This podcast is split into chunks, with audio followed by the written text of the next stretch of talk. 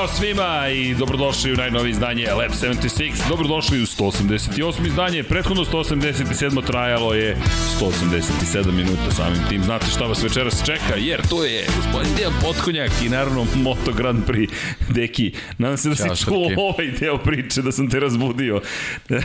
ne, hvala. Vidjet ćemo. Vidjet ćemo. Da. Deki nam je ustao pet, ustaće još ranije sutradan. Tako da, imajte razumevanje večeras ako budemo trajali samo 128 minuta. Šalimo se, vi znate da nikada ne zna se kada će i koliko trajati Lab 76, ali bit ćemo, nadam se, na nivou i dobro nam došli svi ljubitelji dva točka, ali ukoliko volite nešto drugo, na pravom ste mestu, makar se mi radamo pozitivna energija, zabava, ljubav i sve ostalo i naravno mazite se i pazite se i budite dobri jedni prema drugima, uradite nešto pozitivno, što za sebe, naravno, nemojte samo za drugi, uradite nešto lepo i za sebe, to je isto bitno da vodite računa o sebi, da se osjećate dobro, zato Vanja, Deki i ja idemo redovno u teretanu i vežbamo, to jest neki su pre, počeli, počeli malo ishranu da popravljaju, neki po, nemaju šta da popravljaju, dovoljno je da pogledaju hranu i da ta ona nestane i da im se ništa to ne vidi, ali šta hoću da kažem, hoću da kažem udrite like, subscribe, join i sve ostale lepe stvari. I šta da vam kažem, želim vam jedno lepo veče, da se lepo zabavimo i da se pripremimo za trkački vikend koji je pred nama. 917 ukoliko možete da pošaljete na 30-30 bilo bi savršeno. Human 917 na 30-30 mislim da sam i sebi dosadio sa tim brojem, ali ne može da se dosadi kad se radi nešto lepo i pozitivno, pa eto nadam se da ćemo svi zajedno uspeti neke stvari da postignemo. Ko igra Sony, PlayStation, večera ćemo malo da se vozimo po Argentini, Termas de Rio Ondo i GP, MotoGP 2021 stiže, 2022, GT7 stigla, razni pečevi su stigli, to ćemo možda posle da prokomentujemo komentarišemo malo, pa i najnovi peč, onako više sveden na grinding, ali dobro. Da, kad upališ Sony, da, so, Vanja kaže kad upali Sony ima novi update za GT7. Neki su dobri, neki su manje dobri, da ne kažem loši i akoliko ste izgubili svoje snimljene pozicije, šta da vam kažem, nadam se da ćete uspeti nekako da ih oživite, a s druge strane, izgleda da smo se vratili u prošlost, morat ćemo da grindujemo, osim mi 45 plus, onda mi sa kreditima rešavamo stvari, jel, te, jel, jel novac je na kraju opet postao toliko važan, ali pozdrav svim gamerima i ljubiteljima automotosporta, da mi krenemo polako, ali sigurno i da razbudimo gospodina Potkonja kako jeste budan, ali deki, malo šala na stranu, pred nama treća trka ovogodišnjeg šampionata i odosmo mi najzad na treći kontinent u toliko trka, posle, mada da li je ovo treći treći kontinent. Čekaj da vidimo gde smo bili. Bili smo Pa nije drugi kontinent. Bliski istok smo posetili, pa smo otišli na u Indoneziju, pa, da, pa sad, bliski daleki istok. Neki. Bliski daleki istok i sad idemo, a da dobro, dobro zvuči i onda ćemo Evropu uskoro da postim, ali idemo u Argentinu na severozapad. Bili smo, bili smo u Ostinu prošle godine, tako da. A da, počinju da se pa nižu pa, da. kontinenti, još Australiju ako posetimo ove godine. Pa to, da, to će biti onako baš ovaj, velika promena, mada ne znam, vidiš kako stopice nešto čudno A. dešava tamo. tamo vidiš. Vidjet ćemo sad sa da. Formulom 1 naredne nedelje, nadam se da će sve biti okej okay da, on, oni, su imali, oni su imali baš neuspešne pokušaje. Da. da, pre dve godine, ono, od tad je sve i počelo, nekako klupko kao da se puć, odmotalo samo, ali držimo palče da će sve biti uspešno. Termas de Riondo čeka, mada neki kasne već avioni transportni još iz Indonezije, o tome ćemo pričati, no idemo u Termas posle tri godine najzad trka na ovoj prelepoj stazi, ne znamo u kakvom je stanju, videli smo prošle godine svetski šampionat u Superbajku, verujemo da će sve biti ok za Moto Grand Prix, ali činjenica je da iako opet u šampionatu sveta nije na prvoj poziciji, Mark Marquez je najveća vest ovoga, ove nedelje, nije iznenađujuća vest, ali moramo da krenemo odatle, čovek koji ima osam titula šampiona sveta i koji evo treću godinu za redom pokušava da se vrati na stazu opet zahvaljujući nažalost zdravstvenim problemima neće voziti u Argentini. Za one koji su propustili vesti diplopija, to je dvostruki vid se ponovo pojavio, stanje koje je imao i prošlog novembra, stanje koje je imao i pre 10 godina i nešto što je nas dvojicu posebno zabrinjavalo s obzirom na činjenicu da se pojavila taj, da se pojavio taj problem prošle godine posle pada u treningu pre trke za veliku nagradu zapravo Valencije, zapravo pre Valencije se pojavilo čak, dakle došli smo u situaciju da se sada pitamo da li će svaki sledeći pad prouzrokovati nešto slično kao što se ovoga puta desilo u Indoneziji, njegov četvrti pad, ali posle tri otklizavanja prednjeg točka, lansiran u rutarnim treningu, aterirao je toliko snažno da se jedva dogegao nekako do, do zaštitnih ograda, ispostavilo se da se diplopija vratila u povratku, pričali smo o tome prošloga puta i neće voziti, Štefan Bradl će ga menjati, deki, međutim mnogo veće pitanje se postavlja šta sada za Marka Markeza. Pa ne znam, ovo kad pričamo, meni ono, stvarno mi deluje kao da iz emisije emisiju iste rečenice ponavljamo istu priču. Ukrade mi već dve godine. Deja vi, bukvalno imam već viđen da. osjećaj. Do, dolazim i razmišljam, opet ćemo da pričamo jedno te isto. Jasno, pa dobro, da, mislim, to smo već ono absolvirali definitivno. Čovek koji se ne menja, on jednostavno ima u nekom svom genetskom kodu, očigledno da samo tako može da, da vozi, ali to je definitivno potpuno nezdravo po njega. Ali, ali taj osjećaj, baš ovo što si, dakle, imamo isti osjećaj u stomaku. Imamo osjećaj kao da je 2020.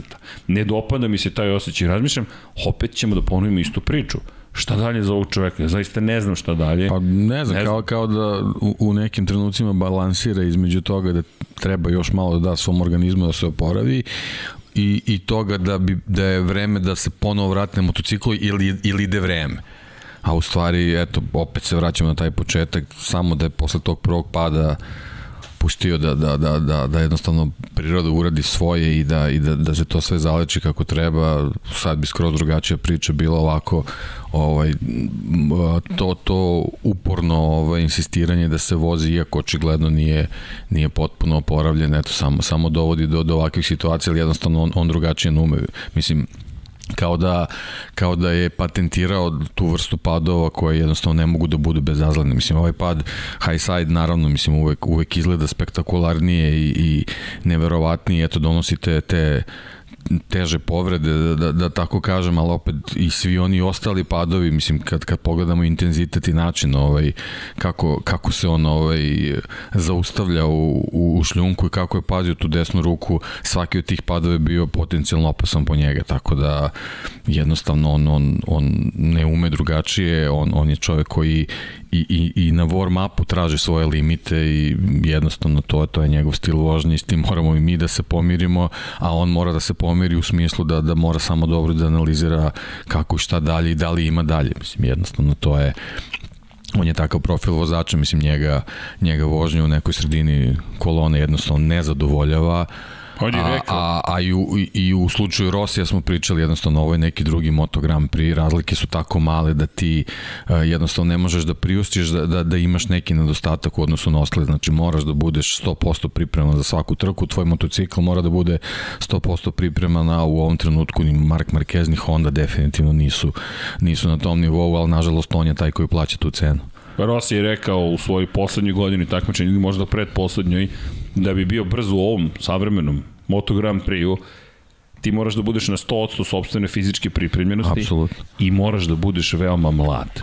Rekao je, za ovo prvo mogu da se pobrinem, ali za ovo drugo vrlo teško. Tako da sada već pričamo i o godinama, nekako kao da je Rossi uhvatio možda taj zlatni magični trenutak kada si i mogao da budeš stari, a i govori nešto o Rossijoj veštini, da toliko godina može da bude toliko brz, da je došlo vreme da sada baš ti ponestaje godina kada možeš da ostvariš neke rezultate. Koliko god je djelovalo, Marquez ima godina koliko god želi, nekoliko stvari se desilo. Ta povreda, sazrevanje nove generacije vozača i, i motocikli koji su potpuno izjednačeni, gde ti sada desetinku izgubiš, to su pozicije, to nije jedna da, Pa pozicija. generalno, mislim, sve, sve povezana priča, 2020. se na taj način ne bi ni desila da nije došla ta nova generacija vozača koja je pri, koja ga je primorala da, da vozi na taj način kako je, kako je vozio na početku te sezone. Da je, da je to krenulo s nekom dominacijom, verovatno bi ta priča bila drugačija, ali jednostavno to mora da bude na taj način i to je jednostavno ovaj sadašnjica Moto Grand Prix i on a, ako želi da bude u njoj mora bukvalno sve sve parametre da sagleda i da se prilagodi toj situaciji. Znaš šta je meni u glavi? Malezija 2019. kvalifikacije kada je uporno pokušavao prateći Fabio Kvartarara da izvrši pritisak nad Kvartararom, samog sebe je lansirao tada preko motocikla. To je nečuveni moment na početku, prva, druga krivina i i, i toga se baš sećam kad je aterirao praktično na motocikl, udario grudni koš, gde razmišljaš, čekaj, zašto to radiš? Pa samo zato što mora da izvrši pritisak već tada tako na Fabio Kvartara. Tako je. Pa Aragon prošle godine i ona, ona, onaj, onaj spektakularni finiš sa, sa, sa Banjajom je, je, je pokazao da, da ti, ti novi momci jednostavno imaju svoj neki kod i, i, i, njega prate i, i oni su ti koji očigledno diktiraju te, te moderne trendove u Moto Grand Prix-u, a opet s druge strane, bez obzira što izgubio tr, tr, tu trku, verovatno je taj Aragon njega dodatno hrabrio da, da se vraća na taj, na taj ovaj, stari put i, i, i, i i taj osjećaj koji se tu pojavio vjerojatno kasnije doveo do, do ovih nekih novih situacija koje nažalost već, druga od tad. Tako da, eto, jednostavno, ono, nema šta, znači mora, mora jednostavno da, da se da se prilagodi situaciji i sad ona reč koja nikako ne ide uz njega, kompromis, jednostavno mora negde da se pronađe da bi, da bi mogao još da, da traju Moto Grand Prix. Lepo si rekao, reč koja ne ide uz njega, a ne vidim drugo rešenje u ovom trenutku. Jer ono što smo i pričali, na stranu ruka, ruku, kao što si rekao, zaštitit će, i mada se i ovde čini mi se da je kombinacija onih stvari o kojima smo već pričali, to je zakasnila reakcija, ali njega neće biti. A ovo je sada treća trka, Dakle, u najboljem slučaju vratit će se kada? Teško mi da poverujem da će biti spreman za Ameriku. Iako su znaci pozitivni, brže se kaže oporavlja nego prošlog puta, ali Amerika je 7 dana posle Argentine. Da. Već 10. aprila mi smo na stazi Kota, da, ne 10. Mi smo već 6. aprila zapravo tamo najkasnije. Ja da. ne vidim da će se čudesno oporaviti u narednih 8 dana i pojaviti ne, ne samo, mislim, to je, to je jedna, jedna činjenica sa koja mora da se suoča, ali druga stvar je što, sad ne znam kako da kažem, njemu ne ide na ruku. Što, što ćemo očigledno ove godine isto imati izjedančen šampionat. I što budu male, manje razlike u odnosu na vodećeg, njega će to i da vuče. Više će da ga vozi i nagon će da proradi a, a, mnogo bi bolje bilo da sad imamo tipa neku da neko situaciju pobegne. da neko sad ima već 60-70 bodova i onda je on rekao ok, ajde ovu godinu ne mogu da, da uradim to što hoću, ajde da se spremim da sedi sledeći. To bi bilo bolje za njega. Ovako, ova situacija koju imamo samo će voditi do toga da on u trenutku kad se vrati, ako razlika nije velika, Mislim kako, da si kako, kako, upravo. Kako objasniti da, da on, objasniti? on neće drugačije raditi nego pokušati Marku da smanji tu razliku. Da. Nemoj ne, to da radiš. Ne, ne, nema šanse. Nemaš, nema šanse. A trenutno stanje je tako da je Nea Bastianini vodeći sa 30 poena 28 ih ima, pazi, 30 da. poena. To, to, da. Obično bi početak godine bio ili 45 ili 50. Ti imaš 30 na prvoj poziciji, 2 poena manje, Brad Binder, 28, zatim Fabio Quartararo 27, poen manje od Bindera, pa dva poena manje od njega Miguel Oliveira, pa manje od Oliveira, jedan poen Joan Zarko, pa četiri poena manje Paul Espargaro, Aleix Espargaro, Alex Rins i Joan Mir. Dakle, u 10 poena mi imamo 9 prvoplasiranih u šampionatu sveta. Jedna pobjeda menja sve.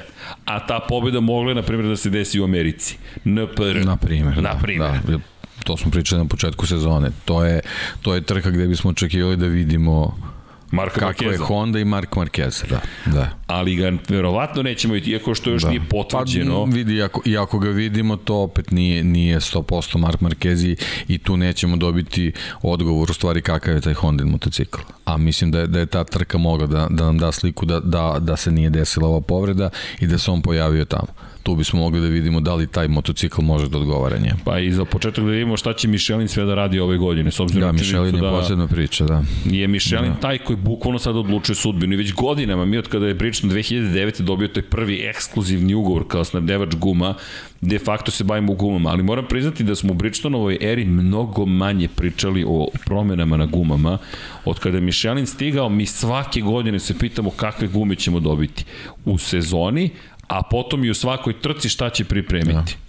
Ne, ne baš e, teško. Razmišljao sam, sam o tome kako, kako se generalno, kako, se, kako funkcionišu ovaj, vezano za, za razvoj pneumatike i koliko sarađuju stvari sa ekipama i koliko slučaju, slučaju potrebe Moto Grand Prix. Znamo da je da u Formuli 1 ranije bilo kad su se pojavili novi proizvođači tipa Pirelli tamo negde 80-ih godina, pa, pa posle i Bridgestone ovaj, sa Ferrari, to zna se da, da su uvek bile ekipe koji su učestvovali u razvoju tih pneumatika i pomagale proizvođačima da, da, da naprave što optimalniju gumu u, u, u smislu o, renomea šampionata u kojima se, u kojima se nalaze sad, bez obzira da li, da li je sad neka ekipa imala zbog toga prednost ili ne, ne ulazimo, to je sad neka druga tema.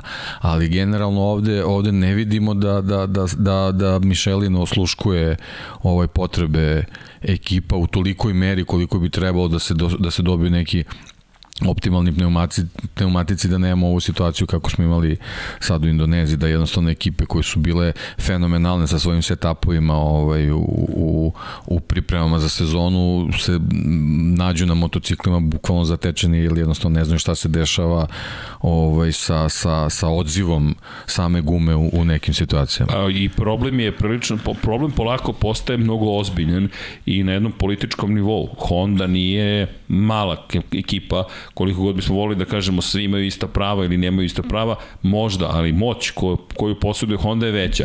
Alberto Puć se oglasio, mada je rekao da su to njegove izjave, izjave iz autosport, motorsport, kako god želite, je rekao da zapravo smatra vrlo pogrešnim komentare koji su dati, jer ako pogledamo, oglasio se i Michelin posle svega ovoga, inače Alberto Puć ima svoju kolumnu u kojoj je rekao da moraju da vide s Michelinom šta se to desilo u Indoneziji, podsjećanja radi, standardna guma koja se koristi tokom šampionata je testirana u februaru, korišćena za testiranje u februaru Mandaliki, na Mandaliki, međutim ispostavilo se da ne može da izdrži opterećenje i temperature koje se razvijaju, pa su se vratili na karkasu koju nisu koristili još od 2020. ili možda čak 19. Da, ali ja bih zaista volao da pročitam s kim su se konsultovali da to urade na taj Upra. način. E, to, to je ono što meni nedostaje u toj čitoj priče. Ta karika, znaš, ti, ti, ti, imaš, ti imaš perjanicu motociklizma, kao što je Moto Grand Prix. I onda se vraćaš na neki proizvod koji si pravio u nekoj prethodnoj eri, mislim, jer bukvalno o, imamo pre-Covid i post-Covid eru, mislim, bukvalno ta situacija, znači, neki drugi način je tad bio razmišljanje rada i angažovanja ljudi i sredstava i tako dalje i tako dalje i ti se onda vratiš na, na neki proizvod koji je, koji zaostaje tri generacije za motociklima koji su sad. Tako da to to mi je a, a znamo da o, o, da se vratimo na Formulu 1, znamo šta se dešavalo s Michelinom tamo neke 2006. 5. 6. 7. koje i i, i ona kulminacija u Indianapolisu. Tako, tako je. je. Ovaj sad da li je uh, mi mi stalno imamo ovaj ja ja posebno ovaj kad kad kad pričamo o Formuli 1 meni meni možda ponekad i smeta ovaj ta čitava ovaj filozofija Pirelli gde se prave gume koje koje mogu da traju dve trke bukvalno tako ispadne. Evo i sad smo imali situaciju u u Jedi gde, gde sa, sa, neko, sa nekom pojavom safety car ti drastično povećava život, život pneumatika. I sad, očigledno da, da možda bolidi nisu na nekom svom maksimalnom nivou kada, kada imaju ovaj, takve, takve pneumatike, ali opet sa druge strane, što se tiče Moto Grand Prix, s obzirom da su motocikli već na nivoima na kojima su, onda mi stvarno možda trebalo da se razmisli i da Mišeli napravi ne, ne, neke ne, neke otpornije, kvalitetnije pneumatike koje, koje jednostavno mogu da izguraju nekih 30 krugova bez, bez ikakih problema. Ono što je, ba, ok, ajmo sada Ajmo sada nazad na, na ovaj moment. Ono što je problem jeste manjak transparentnosti kod Pirata Ramasa i Mišelina generalno. Alberto Puđi rekao da, prosto to su sad reči Puđove, bit ću tu vrlo oprezan, rekao je prosto Taramasu ima taj mentalitet u kojem on zapravo neće nikad priznati grešku Jednostavno nikad pa da, ali znaš kako da... ti se nalaziš u jednom sistemu gde, gde stvarno ne možeš da funkcionišeš kao, kao priča za sebe. Kažem, ne, ne možemo, ovo su sad samo možda neke pretpostavke, zaista ne znam, ne, nemamo dostupne podatke u kojoj meri oni sarađuju kad, kad, se, da kad, se, kad se dešavaju Ako ovaj, se slažeš, te, pošaljemo apsolutno, da. E, možete, Michael, da nam objasni što je njihov predstavnik za javnost, kako vi zapravo sa ekipama se dogovarate koje gume idu na stazu? Bukvalno da pitamo i da vidimo koji će biti odgovor, jer to jeste velika stvar. Mi ovde pričamo, ako se vratimo malo kroz prošlost, pričali smo o tome da je Ducati, na primjer, trpeo na početku 2020. zahvaljujući promjeni način na koji se proizvode gume. Zatim smo pričali o tome da je Maha mnogo trpela u momentu kada su promenjene gume. Pri čemu, Uvijek će neko trpeti, ali naravno, ovo je sad veliki problem vezan za bezbednost. Znači, ne pričamo samo o performansama, ovde je sad bezbednost u igri. Pa to idemo. su dve potpuno, dva potpuno različita sveta i kad dođemo do toga da bezbednost ubacujemo u čitavu priču, tu ne, ne menja može... se komunikacija. Da, apsolutno se menja komunikacija. I, I ovo je staza na, o kojoj, na kojoj Mišelin prvi put imao još 2016. godine kada je stigao stigao u šampionat prve probleme. Ako se setimo, Scottu Redingu je otpao komad gume, bukvalno otpao komad Michelinove zadnje gume i dobili smo trku koja je podsjećala u velikoj meri na Australiju 2013. kad je Bridgestone imao probleme s novim asfaltom, nisu dovoljno se dobro pripremili i došli smo u situaciju da zapravo Michelin, ne Michelin, nego Dorna i Michelin donose odluku da se na pola trke promeni motocikl. Dakle, bez obzira što je suvo, ti prelaziš na drugi motocikl s istim gumama za suvo, jer ne mogu da bezbedno izdrže do kraja trke. I to Zamisli da smo sad imali to, takvu situaciju u Indoneziji, da, da, da je takva odluka donešena. To bi stvarno bilo skandal, no, to, to jednostavno reći, nije, to je skandal. nije u, u nekim sportskim okvirima to nije e, zašto nije je skandal? Odluk. Ti si imao priliku da testiraš, vraćaš se na stazu, to je prva trka, pri čemu dolazi ti predsednik te cele države. Dakle, mi govorimo o državi od 100 miliona stanovnika, dolaze ti političari. Dakle, ti imaš situaciju u kojoj umesto da praviš spektakl, jedan show, ti praviš nešto što je možda će se desiti, možda neće, a ovoga puta uticalo je na Hondu. Ali zašto kažem Honda u toj celoj priči verujem da će imati ogroman uticaj. Međutim, ne želimo uticaj, makar ja verujem da i ti pričam u naše ime, nije pojenta u performansama za Hondu, već ovo što si ti rekao, da bude bezbedno. Tako je. Da bude bezbedno, pa, da ne razmišljamo da li će... Warm up i Mark Marquez nam je pokazao o šta pričam u stvari. Znači to a, jedna je situacija da, da, da su oni bili potpuno van, van svojih performansi koji su očekivali, a, a druga je stvar da kad vozač pokušava svojim kvalitetima da, da izvuče performanse, ugrožava na kraju krajeva i život svoj. Znači to je, to je već, već neka, neka druga situacija koja, koja zahteva ozbiljnu i dublju analizu i, i zahteva da, da, da kako bih rekao, mislim, sa jedne strane je super stvar stvar što Michelin te pneumatike dovodi e, na neke limite. Ali u ovoj sad već situaciji ti limiti moraju da se pomeri, jednostavno ta, te, te gume moraju da budu izdržljivije, da nemamo situaciju da bukvalno sa svakim dolaskom na određenu stazu mi trebamo da razmišljamo kakvi će vremenski uslovi da budu, kakav će asfalt da bude, da bismo dali, znali da li će ti, ti a, a, a, pneumatici ne da funkcionišu zbog performanse, nego da funkcionišu zbog bezbednosti vozača. Pa to je isto velika tema, kako je dozvoljeno da staza Mandalika uopšte prođe homologaciju kako može da se dozvoli stazi koja se vidno kruni, raspada na naše oči, da bude deo svetskog šampionata. A mi stalno pričamo o tome da određene staze na planeti Zemlji ne mogu da uđu u kalendar zahvaljujući činjenici da nisu u dovoljno dobrom stanju. I to je u redu da ih ne prihvate zato što nisu u dovoljno dobrom stanju, ali onda praviš izuzetak gde kažeš da, ali ova staza nam je suviše ili ovaj događaj nam je suviše vazan, iz kojih razloga važan, da smo spremni da uradimo sve ovo. I Indonezija može, će biti za Marka Markeza očigledno je već veoma problematična stanica, ali možda ćemo se vraćati mi još koji put na Indoneziju jer ovo jeste nešto čim će morati da se suoči Dorno u jednom trenutku i kaže ok, šta sada dalje? Jer nije samo naš glas u pitanju, u pitanju glasovi vozača, glasovi timova. I još jedna stvar, koliko god pričali o tome da Formula 1 Moto Grand Prix nisu direktno povezani, oni su veoma blisko ispredpleteni. Vozači i jednog i drugog šampionata se međusobno poznaju, posećuju. Siguran sam da ono što se dešavalo u Saudijskoj Arabiji gde su se okupili svi vozači Formula 1 šalje signal svim ostalim vozačima u svim ostalim takmičenjima, ljudi i vaše mišljenje se postoji, postoji. Nije se desila promena, ali znaš li sam kako talas raste, krene malo, pa još malo, pa sad doda još neko, pa doda još neko, pa doda još neko, dok se negde ne preli cela situacija. Tako da ne bi me čudilo da neko na kraju podigne glas i kaže, ok ljudi, nešto ovde mora da se menja.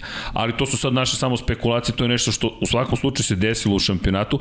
Činjenica da je Mark Marquez taj koji je zapravo sada van staze, dodatno pojačava ton, jer da je neko koliko god to grozno zvučalo, to mi verujem da je istina, da je Derin Binder imao ovakvu situaciju, verujem da se ne bi mnogo pričalo o tome. Ali kada je Mark Marquez u pitanju, to zaista u mnogome menja stvari. I sad, da li je fair, nije fair? Ne, nije fair, ali je tako. Tako da vidjet ćemo šta će se tu dešavati. Ali eto, ovo moramo da pitamo Mišelin. Kako odlučujete? To je da li se konsultujete? I da li, da li već u ovom trenutku postoji neka strategija za 23. šta, pošto oni su potpisali ugovor, znači oni su, oni su, oni su u sad već u, u dužem periodu će sigurno biti u šampionatu i kakva je strategija? Mislim, znači nije, nije poenta da u oktobru počneš da razmišljaš o, o novoj sezoni, nego ovo je sad već, već su se desile te neke situacije zbog kojih već u ovom trenutku moraš da vidiš kakva je strategija sa pneumaticima i da na vreme upoznaš, u, u, upoznaš ekipe sa svojim razvojnim planom planovima da bi oni znali na koji način da pripremi motocikle za sledeću sezonu. Da, to je veliko Evo, na primjer, znači, siguran da znamo, znamo već da, da, da će ostati Holshot i Vaj samo za, za start trke, znači nema spuštanja zadnje kraja na, na ovaj na A, motociklima dok se kreću. Ne, ne, ne, ima, ima. Zadnji kraj mogu. Samo ja, prednji, izvinjam prednji, se, pre, prednji. izvinjam se, prednji da kraj. Da ne bude ko pajac ne, ne, ne, da. ne znam da li si video klip. Da. Vanja, iseci mi klip, pošalji mi, molim te. Ovaj, Jesi mi poslao? Nema spuštanja prednjeg kraja dok se, dok se motocikl kreće, što znači samim tim već, već mogu da razmišljaju o nekim uh, načinima kako da razvijaju performanse motocikala. A gume su ključan deo u toj priči. Jesu. E, ne da su ključan, nego to je ono što spaja tlo zlo i vozača i uvek igraju ogromnu ulogu. I već 15 godina mi pričamo zapravo da su šampioni uglavnom oni koji razumeju kako najbolje da iskoriste gume. Jer tu leži gro performansi koje možete izvući. Ne sve, ali gro performansi. Da li ćete ih dovoljno dugo čuvati, da li ćete biti bolji u krivinama, na kočenju, na dodavanju gasa i tada. Ako podelimo na neke jednostavnije faze, i tako da nazovemo, imate ulaz u krivinu, prolazak kroz krivinu, izlaz iz krivine, to je o krivinama reč, i imate naravno dodavanje gasa na pravcu i kočenje naravno, maksimalno brzine. Dakle, to su neke osnovne etape koje imate kroz trku i u suštini tu morate da vodite računa šta još postoji kao problem, to se s time se Yamaha suočava. Ako ste iza nekoga, temperatura raste i to u velikoj meri utiče na Yamahe često, jednostavno gume počinju da gube performanse, da se tope, kako god, i zašto vam je bitan taj čist vazduh upravo iz tih razloga. To se i kod formule vidi, vodi se, vidi se i kod motocikala, hlađenje kočnica, hlađenje guma itd. itd. ili zagrevanje. Tako da, nešto o čemu mora i tekako da se razmišlja, ali da, tema koja se nekako, ne mogu reći ni nametnula, nekako polako došla na red tu je već godinama, priča se o gumama, ali ovoga puta sad već pričamo o nečemu što direkt, u velikoj meri utiče, kao što si rekao, na bezbednost vozača i... Tako je, ne bi, ne bi trebalo na ovaj način da se razgovore o tome, ili jednostavno da. snabdevač pneumaticima mora da bude važan i, i, i manje primetna, važna i manje primetna karika u tom lancu koja, koja čini ovaj, Moto Grand Prix, posebno da, da ne pričamo na ovaj način o njima. To je ono što je važno. Nadam se da ćemo imati druge teme, ali ima još tema koje se tiču dešavanja van staze i moramo da ih spomenemo. Rekli smo da već postoji problem sa kargo avionima, sa transportnim avionima. Dakle, Ducatijev tim je taj koji je pogođen zapravo problemima. Jedan od aviona koji prenosi Moto Grand Prix opremu je prosto se pokvario, ostaje u Keniji i iz te perspektive plan je sada da vrate jedan od aviona iz Argentine za Indoneziju, da pokupi svu opremu i da vrati. Dakle, Dakle, fabrički tim Ducatija, Gresini Racing i VR46 ekipa su ti koji imaju probleme trenutno. Ono što bi trebalo da se desi, trebalo bi dakle da, da dođe do, imače pet aviona je neophodno da se prebaci sva oprema. Jedan od njih je prosto u kvaru.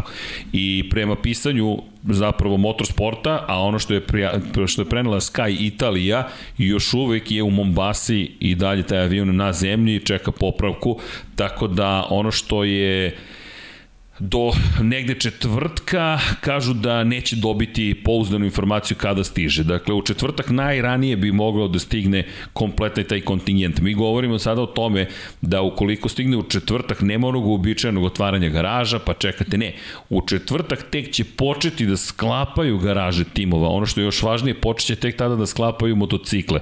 Dakle, to iste kako može da utiče na ekipu. Ukoliko Međutim, ne budu dobili na vreme motocikl. Može se desiti da ova tri tima nemaju spremne motore za prvi trening. Inače, po lokalnom vremenu prvi trening počinju 10.15.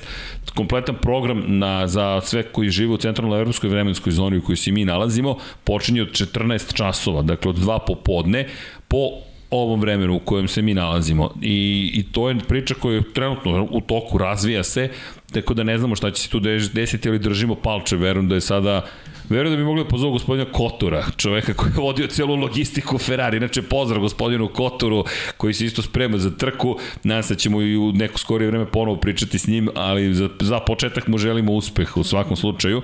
Ali činjenice da je, eto, to je jedan od tih izazova, to su nevidljive stvari koje zapravo omogućavaju da se uopšte desi šampionat i nešto o čemu se redko izveštava, ali eto, tri ekipe, veoma ozbiljne, uzmimo obzir da vodeći u šampionatu sveta ne zna da li će imati svoj motocikl u rukama u pet, petak ujutro.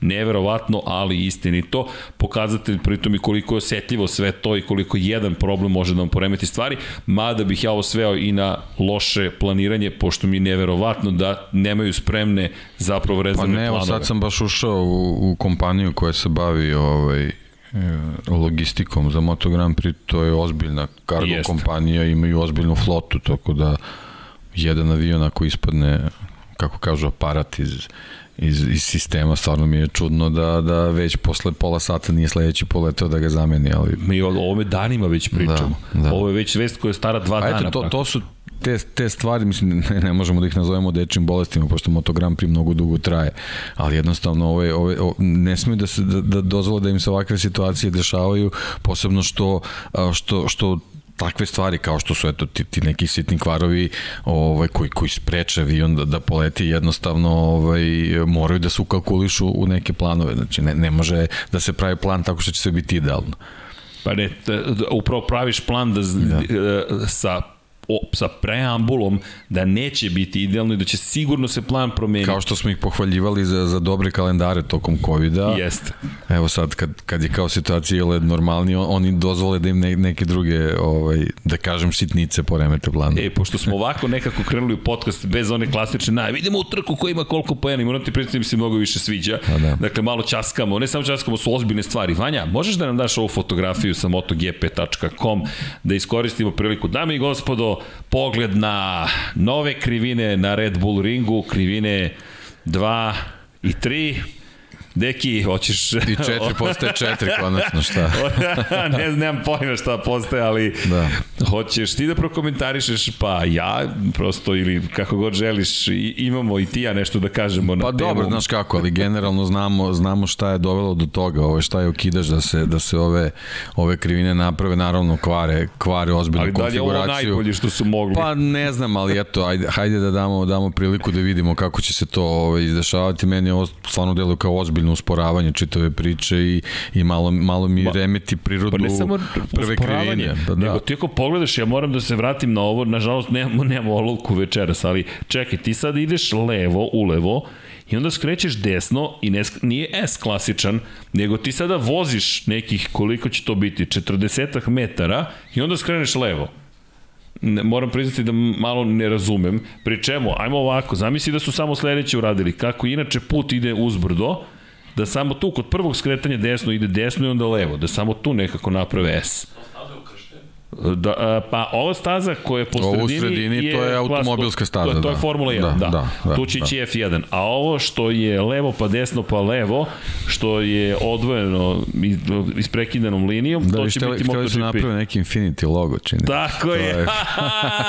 neki. To, to, to. Ovo je ćemo, po, pozdrav ćemo. za studiju na kraju da. univerzuma. da, inače Herman Tilke pospis, potpisao u promenu. Mogli smo da, da pretpostavimo. Možemo da, da, možemo da obrazlažemo. Koliki da. je bio honor? A, kažu, kažu da je ozbiljan izazov bio sad bez, bez šale, ovaj, nezgodna konfiguracija to, yes. tog dela terena, no su morali ovaj, da se da se uklapaju sve to da ne bi da ne bi poremetili ovaj strukturu ovog osnovnog dela staze da tako nazovem, ali kažem ajde vidjet ćemo, meni samo onako već već vidim sliku ovaj starta kad kad onako velika grupa vozača dođe tu, ja Znali smo da čisto sumnjam da će neko ne uspeti da, da isprati da ovu putanju i da sve, sve prođe kako, kako treba. Će ovo da, da, da izgleda. Da, da. Dakle, ti skreneš desno, ideš sad malo nizbrdo pa uzbrdo i onda se stuštiš kao ovoj krivini ulevo, pri čemu ni tu neće biti niske brzine, samo zapamtite koliko smo incidenata imali u krivini broj 1, tu će dalje ostati vrlo žestoko. Pa ne, tu je žestoko ubrzanje i onda ponovo još jedno jako kočenje. Tako okay, da, levo desno. Da, levo desno, ajde vidjet ćemo. Kažem, ne, nećemo sad da, da, da mnogo da kritikujemo priču zato što stvarno je trebalo nešto uraditi yes. što se tiče bezbednosti da kažem, ajde, evo, ovo je taj, neka, taj neki prvi pokušaj da vidimo ovaj, šta će doneti ta, ta promena konfiguracije, ovaj, ali bez, bez motociklista na stazi ne, ne možemo da znamo ovaj, kakav je efekt.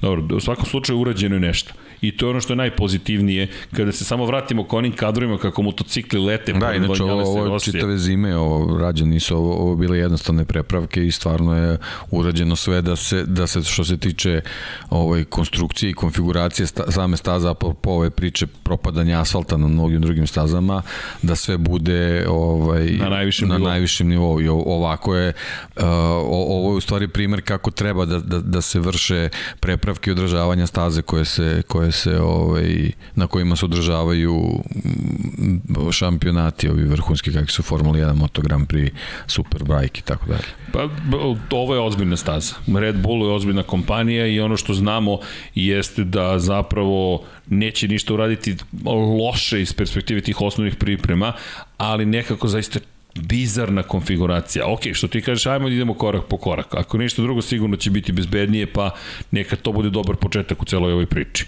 Dobro, idemo Idemo dalje. Idemo dalje. Idemo dalje. Da konstatujemo, ovo je jedna od većih vesti trenutno kada je reč o, o Moto Grand Prix. Inače, čisto ajde, kad smo krenuli tako na neki, na neki drugačiji malo način, samo da napomenemo da će u celoj ovoj priči i se pojaviti još nešto, još dve stvari će se pojaviti tokom ove godine. Dakle, mi govorimo o, ne znam da ste čuli, MotoGP Premium.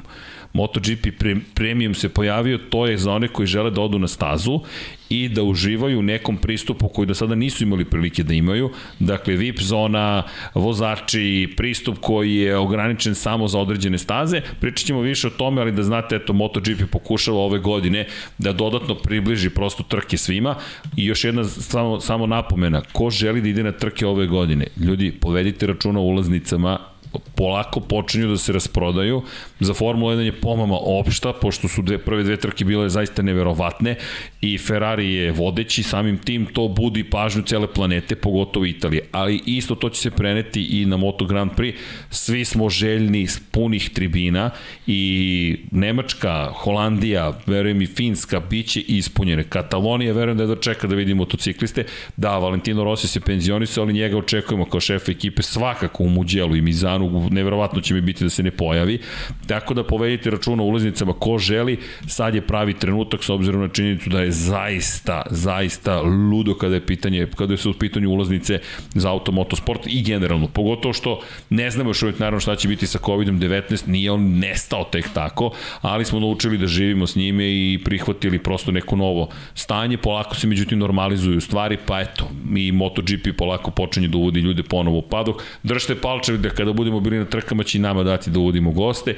Za sada čini se da će to biti moguće, pretpostavka da će biti zahtevano da se predstavi negativan PCR test. Ali, eto, idemo jedno po jedno, pa čisto da spomenemo i to. No, da se vratimo mi trci koja je pred nama, velika nagrada Argentine i Termas de Rio Ondo, od 2014. posećujemo ovu stazu, nova staza, koja je proživjela sve i svašta zaista, bilo je i požara, bilo je ružnih situacija, inače ne vozi se u Buenos Airesu kao nekada davno sa ciljem da se upravo popularizuju, slično je učinjeno u Indoneziji, neki drugi deo zemlje, pošto za većinu Evropljana Argentina je jednako Buenos Aires. Nije. Ogromna je država, prelepa je država, ili Guasa vodopad, otprilike to su dve, i za ljubitelji vina ide se ka Čileu odite lepo u Mendosu i uživate, ali ima šta da se vidi, i ognjena zemlja, možete do Urugvaja da odete, dakle, ko ima priliku da posete Argentinu, zaista jedna prelepa zemlja. I ovo je prilika eto, da se usmere nekako turisti ka severozapadu, mada uglavnom je lokalno stanovništvo to koje dođe i poseti samu trku, naravno činjenica da je svojevremeno, više nije među nama, Diego Armando Maradona takođe posećivao Valentina Rossi, da je Rossi nosio Maradonin dres i je stvorila takođe jednu ozbiljnu, pa možemo reći, dozu praćenja Moto Grand Prix-a u Argentini, imaće i svog čoveka Gabriela Rodriga, pa eto, čisto da napomenemo gde je. Staza koja je vrlo brza, inače veoma opterećuje zadnje gume, dakle zadnja guma, 4805 metara je dugačka imamo 14 krivina, poslednje tri i tekako podsjećaju na Indoneziju, zaista kod je neko uzeo i precrtao Indoneziju, to tako izgleda i bit će, ja verujem, interesantno, a šta da očekujemo? Apsolutno nemamo predstavu, pročitaću imena pobednika do sadašnjih, pa evo vi vidite da li možete da izvučete neki zaključak. Dakle, ne pričamo u Buenos Airesu, nego od 2014. Moto Grand Prix klasa. Mark Marquez Honda, Valentino Rossi Yamaha, Mark Marquez Honda, Maverick Vinales Yamaha, Karl Crutchlow Honda, Mark Marquez Honda. Dva različita pobednika na Yamahama, dva različita pobednika na Hondama. Ducati nije se baš pojavio, ali... Nije se pojavio, ali bio veoma prisutan na trkama. Sad tako iz nekih je. drugih razloga ih nema tu, Drug, ali... Tako je. Pogotovo da. Andreje Dovicioza da. nema, kog je Andreja Janone lepo sklonio sa staze čuveni incidenti. E, ali staza koja je poznata, neverovatno, od 2014. koliko incidenata na toj stazi. Čuveni kontakt 2015. između Rosija i Markeza, zatim čuveni... Gde je sve počelo? Gde, gde, je, sve, gde je sve, po, e, bukvalno gde je sve počelo. Za one koji se ne sećaju, početak 2015 godine, bitka između Rosija i Markeza Rossi na mekšim da nije bilo toga, možda ne bi bilo ni Malezije. A posle. možda ne bi ni Holandije posle, da, bilo da, samim da, tim. Da, Holandije, da, da, to, su, to su onako etape koje su stvorile jednu nevjerovatnu sezonu, ali u Argentini je počelo na koje behu boje? Na crvenim gumama je bio Marquez, ne, na crvenim je bio Rossi, to su bile tvrde kod Bridgestona, Marquez je bio na žutim mekim, I Marquez je imao jedno 2,5 sekunde prednosti. Seća se tog prenosa da se rekao, ok, to je to, gotovo. Kad Marquez vodi sa 2,5 sekunde prednosti, sve je završeno. Da vidiš, desetinka, desetinka, tvrda zadnja guma počinje da radi kod Rossi. Rossi koji je rekao, vidio sam ga u danjini kao tačkicu koja polako raste iz kruga u krug. E, ta, ta, kao u igricama starim, ko je malo stariji, seća se, pošto je pikselaža da, nemoj se smeješ, Vanja, ja, i ti brkovi da ti se smeju toliko, ovako ti pikseli rastu, taka, taka, taka, taka, taka, taka, taka, taka, i da vidiš mnogo piksela ispred sebe, kao to, to, imam ga. E, manje više izgledalo kao igrica Rossi koji napada u petoj krivini i prolaze kroz petu krivinu pokušava da ga isprati Marquez, međutim Rossi koji naglo zatvara taj prolaz, dolazi do kontakta, prednji točak se sklapa, Marquezu odleće sa stazi i gubitak poena posle Holandija, kontakt u šikani i tako dalje. Ali da se vratimo u Argentinu. Andrej Janone upravo u pretposlednjoj krivini niko ne zna šta je želeo, ali je sklonio Dovicioza, Dovicioza kako su te godine sklonio. Inače timske, timske kolege, timske kolege. ko ne zna, da. Da, inače sklonio ga i Dani Pedrosa, da. sklonio ga i Janone. Pa opet ako, ako je ovo 2015. bila inicijacija do nekog sukoba kasnije, taj kontakt Janone i Dovicioza je ozbiljno upropastio šansu Dovija za titulu. Kad se ti bodovi kasnije Jest. ubacu čitavu priču, drugačija je sezona. Mnogo teško zvuči. Da. I, I još jedna bitna stvar u celoj toj priči, a to je zapravo da je to moje mišljenje samo početak kraja i u Ducatiju za Andreju Janonea. Jer u tom momentu Janone bez razmišljanja napada na nivou, ok, ja, ja, ja, a u, u, pokušava na sve moguće načine da nekako... Esteban Ocon fazon. ok. a, da, Dovi koji inače te 2015. bio na 60 pojena posle prve tri trke sezone. Drugi, drugi, drugi je bio i bio je najbliži Rosiju zapravo na početku sezone kada je reč o borbi za titulu šampiona sveta. Dovi koji 2016. nije se baš, eto kažemo, najbolje probao u toj celoj priči. U Argentini, zapravo ne, 2017. ga je eliminisao. 2017. ga je eliminisao, a za one koji ne znaju, te godine je bio vice šampion Andrea Doviciozo, to je godinu koju je počeo da već da ređa pobede. To je nečuveni moment Italije, Katalonije i tako dalje. Ali da se vratimo na još jedan incident. Rossi Marquez, 2018. godine i tu je bilo incidenata i čuvena scena Jack Miller koji startuje sam četiri reda iza njega ostatak karavana. I osvrće se da vidi da je to realno. da, da, da, i koji gleda da. ovako preko ramena i kaže ok, da. to je jedna od bizarnih pobednik scena. trke, da. Da, pobednik trke. Za one koji ne znaju, od svih vozača Moto Grand Prix šampionata, mislim da ih je tada bilo 24 na startu ili 22. 21 ili 23 su izabrali pogrešne gume. Jedino je Jack Miller izabrao kako treba Svi su djurali u garaže posle pripremnog kruga i morali da startuju iz pit lane-a. I pošto je bila takva gužva na izlasku iz pit lane-a, direkcija trke odlučila da zaustavi start, Jack Miller je bio pobednik. Jer Jack Miller imao čist put ispred sebe, jedini izabor prave gume i to Đanki lepo kaže, naš dragi Aleksandar Đankić, to je pobeda koja je oduzeta, bukvalno oduzeta Absolutno i Pramaku i Jacku Milleru. Apsolutno se slažem. Protiv svih pravila. To nije smelo da se desi, ali se desilo. Da, evo ga, pokazuje upravo za Jacka Millera. Hvala Dragoju Stanišiću. Inače, kako je izgledala forma Jacka Millera na ovoj stazi. U Moto trojkama treći, pa 12. pa 23. 2016. 2017. 9. četvrti, četvrti i od onda nismo išli na ovu stazu, da. ali... Ba evo, ovo je neki šlagvort otprilike. To je to. Da krenemo sa, sa ovom pričom Ducatijem i Ducatijevim vozačima prosto i mislim ne da... treba ih isključiti ne, bez obzira što se ne nalaze na listi pobednika zbog svega ovoga što si, što si naveo na Ducati trebamo da računamo na ovoj stazi. I to vrlo ozbiljno mislim da treba da računamo pogotovo ovaj novi Ducati. E sad koji Ducati deki? GP22 ili GP21 i nisam sarkastičan kada to pitam zaista je ozbiljno pitanje koji Ducati Pa, odgovor je po stanju na tabeli jednostavan. E sad, svi znamo da, da fabrika ne spava i vidjet ćemo ovaj, da, li, da li već u Argentini možemo da, da očekujemo neku, neku promenu na bolje, a opet sa druge strane zbog svega istog što si, što si zbog svega što si naveo ovaj vidimo da, da Riondo nije, nije staza gde baš možeš da, da očekuješ neke, neke predvidljive situacije, nego jednostavno mnogo faktora zavisi ovaj, od mnogo faktora zavisi šta sve može da se desi na, na stazi, tako da uh, uh, konstantnije mašine možemo da stavimo u, u, u prvi plan u odnosu na ove neke za koje još nismo sigurni kakvi su im ovaj, potpuni potencijali, tako da ako, ako moram da, da se opredelim u ovom trenutku, GP21 i dalje, i dalje ima neku, neku blagu prednost. Ne možemo da znamo tačan odgovor, pre svega zbog situacije sa, na, na, prošle, na, na prošloj trci te kiše.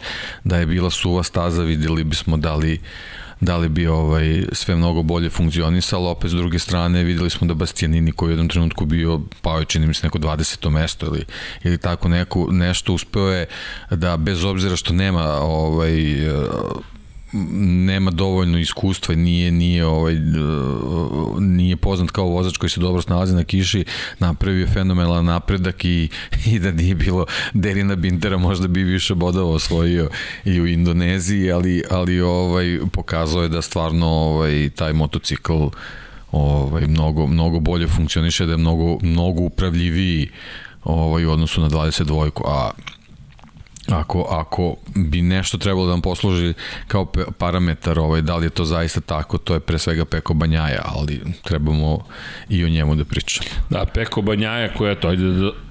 O, Vanja, hvala. Za one koji su propustili Termas de Rio Ondo 2018. Hvala Vanja. Da, ovo nije, nije trening. nije, ne, ovo su pripreme za trku gde Jack Miller još uvek se sprema i čeka da vidi šta će odlučiti direkcija trke.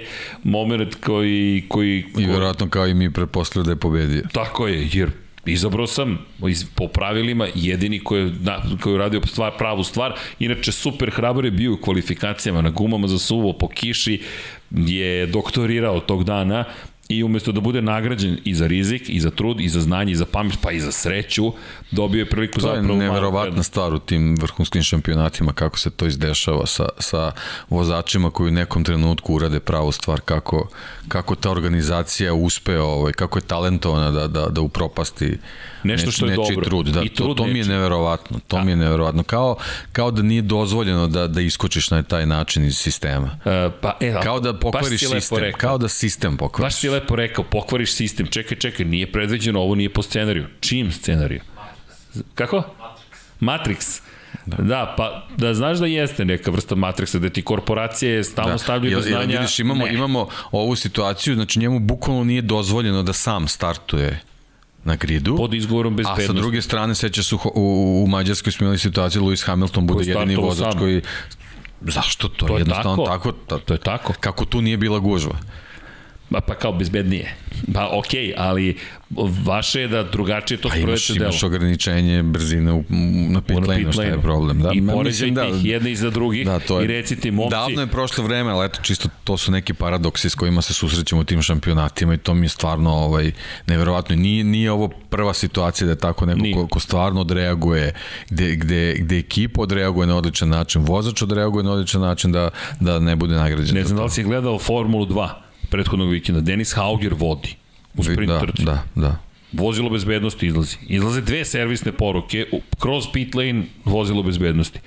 Ekipa dva puta poziva direktora trke i Vitić dva puta kaže da kroz pit lane. Oni mu kažu uđi u pit lane, moment pre nego što je ušao, izlazi poruka pit lane je zatvoren. On jedini uđe, svi ostali nastave, padne na 11. poziciju, onda mu kaže sad ćeš biti kažnjen što si ušao kada je bio pit lane zatvoren.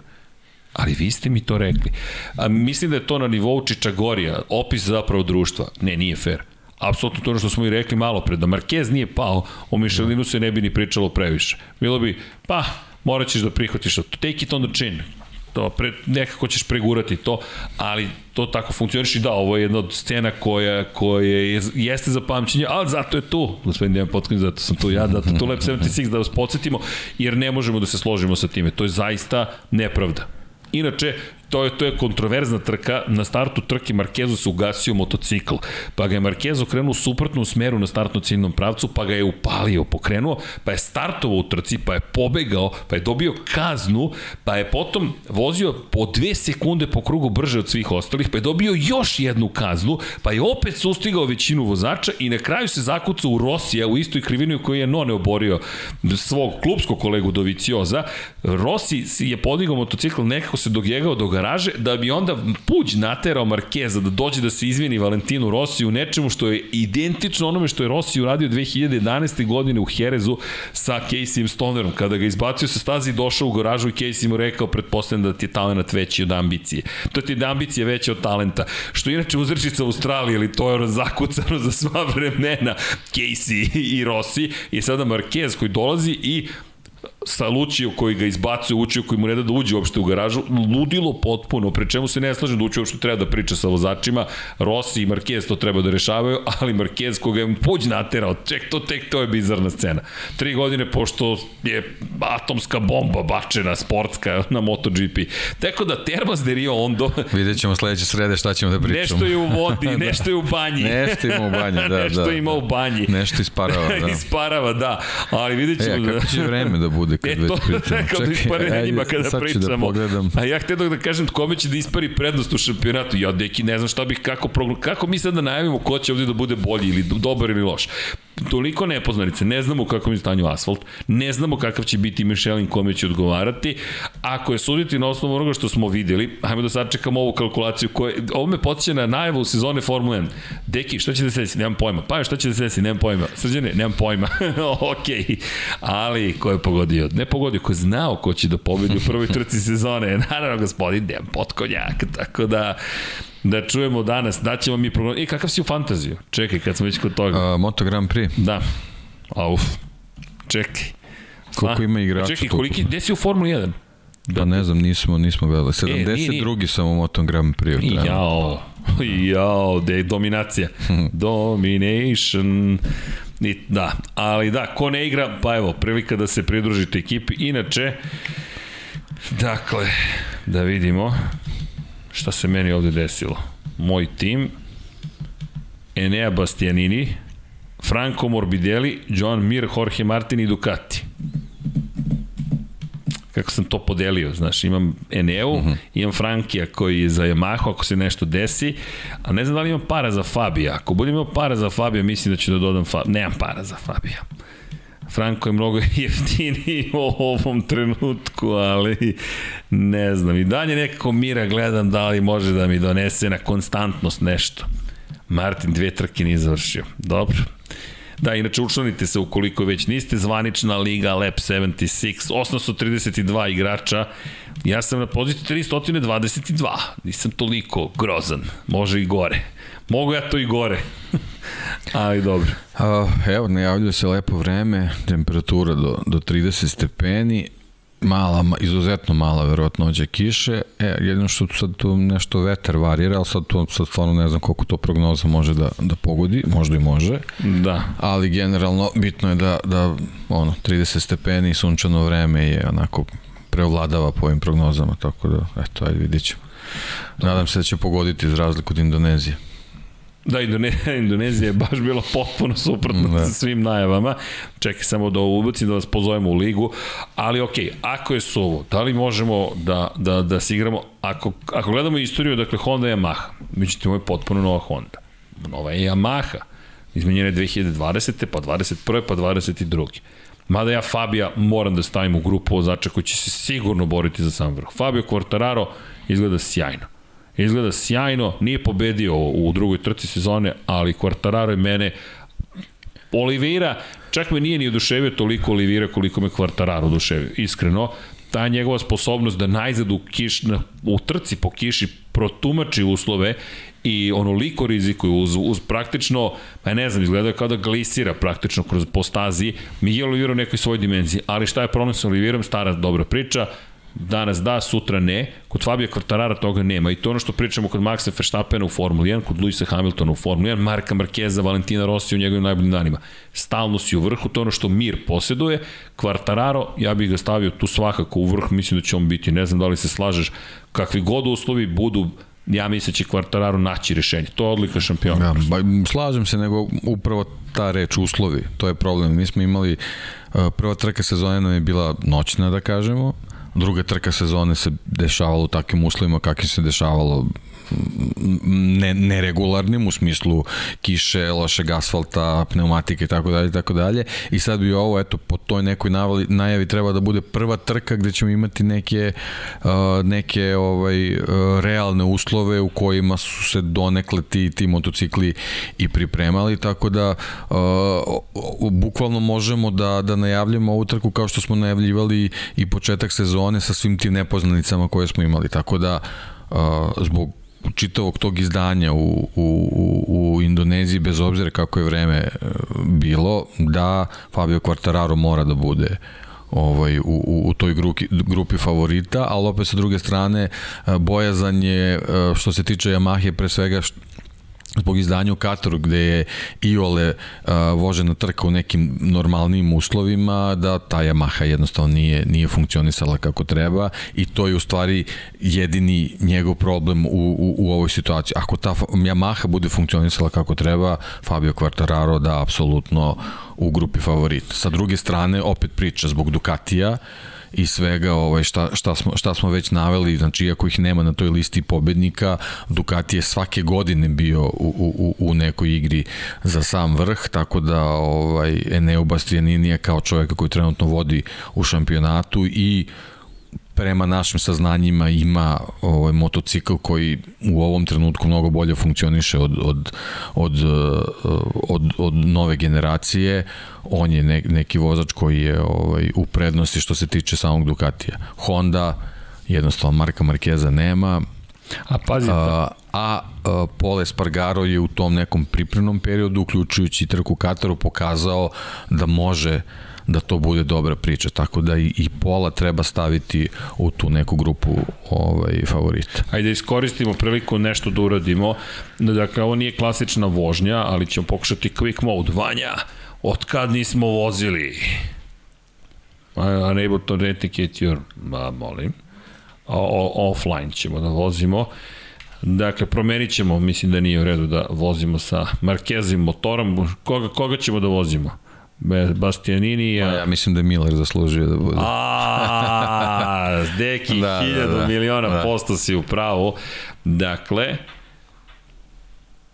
i šta mi sada ovde imamo? Argentina. Viš kako zna gde ćemo? Ili si, si to Vanja ti? Ma Vanja je sve prilično, kao bože, sve zna da li me prisluškuju. Šalim se naravno.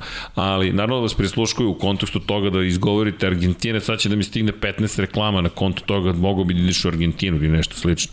Inače, to je dozvoljeno, ste vi dozvolili da imaju pristup vašem mikrofonu, prepoznaju vaš glas, nemaju vaše lične podatke, ali marketičke agencije onda kažu svako ko je zainteresovan za Argentinu, pustimo ovo. A onda Facebook i Google i ostale kompanije velike kažu imam ja u mom big data, u bazi podataka to, to, to i to. Go to track. Zašto ovo sad radim? Vrlo jednostavno, da vidimo kakva je staza i iz te perspektive, Vanjuška, može neki zvuk, ja ga nemam. Vjerojatno će opet da kasni, ali nema veze. Ma nema veze, Vanja, zabava je pot, op, op, op, op, op, op, malo sam pobrkao točkiće, koji, koji su mi koji, ok, ok, o, dobro, ovo nije trebalo da se desi, izvinjavam se, Ne, nema veze, Vanja, ma opusti se, ma jok, ma Vanja. Mislim da sad probijaju sve. Ma jok, stiše, stiše, stiše, zato što će probiti mikrofon, veruj mi. Bolje ti pusti publici.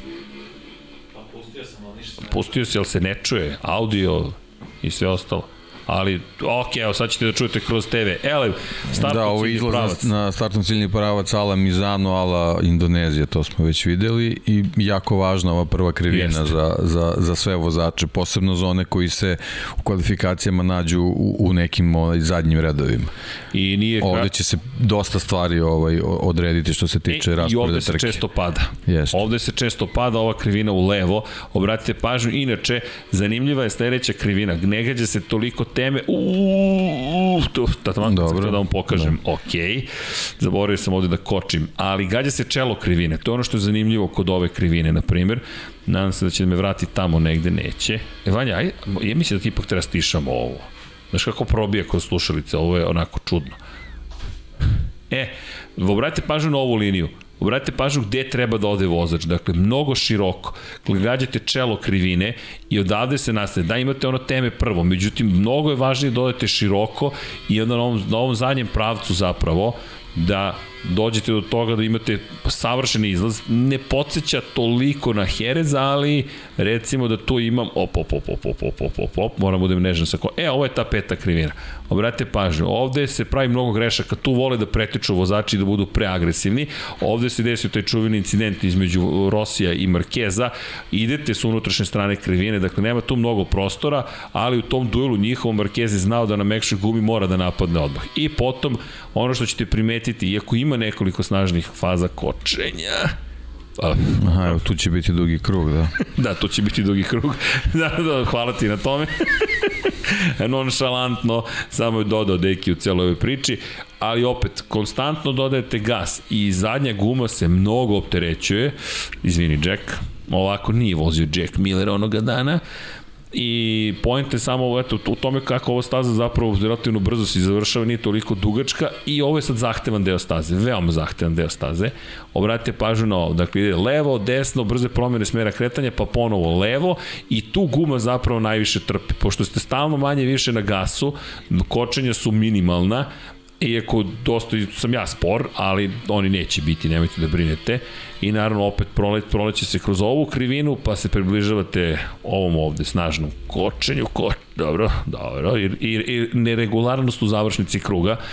I to vam je krug praktično, ne zamerite, nisam vozio Termas milijardu godina, ako ikada, ovo je onako više na pamet. E, ovo je važna krivina za zapravo potencijalni napad. U prvoj krivini je teško preticati, ali nije da nismo viđali situacije kada vozači krenu u napad i kaže, e, ok, ja ću ovde da zapravo pokušam nešto.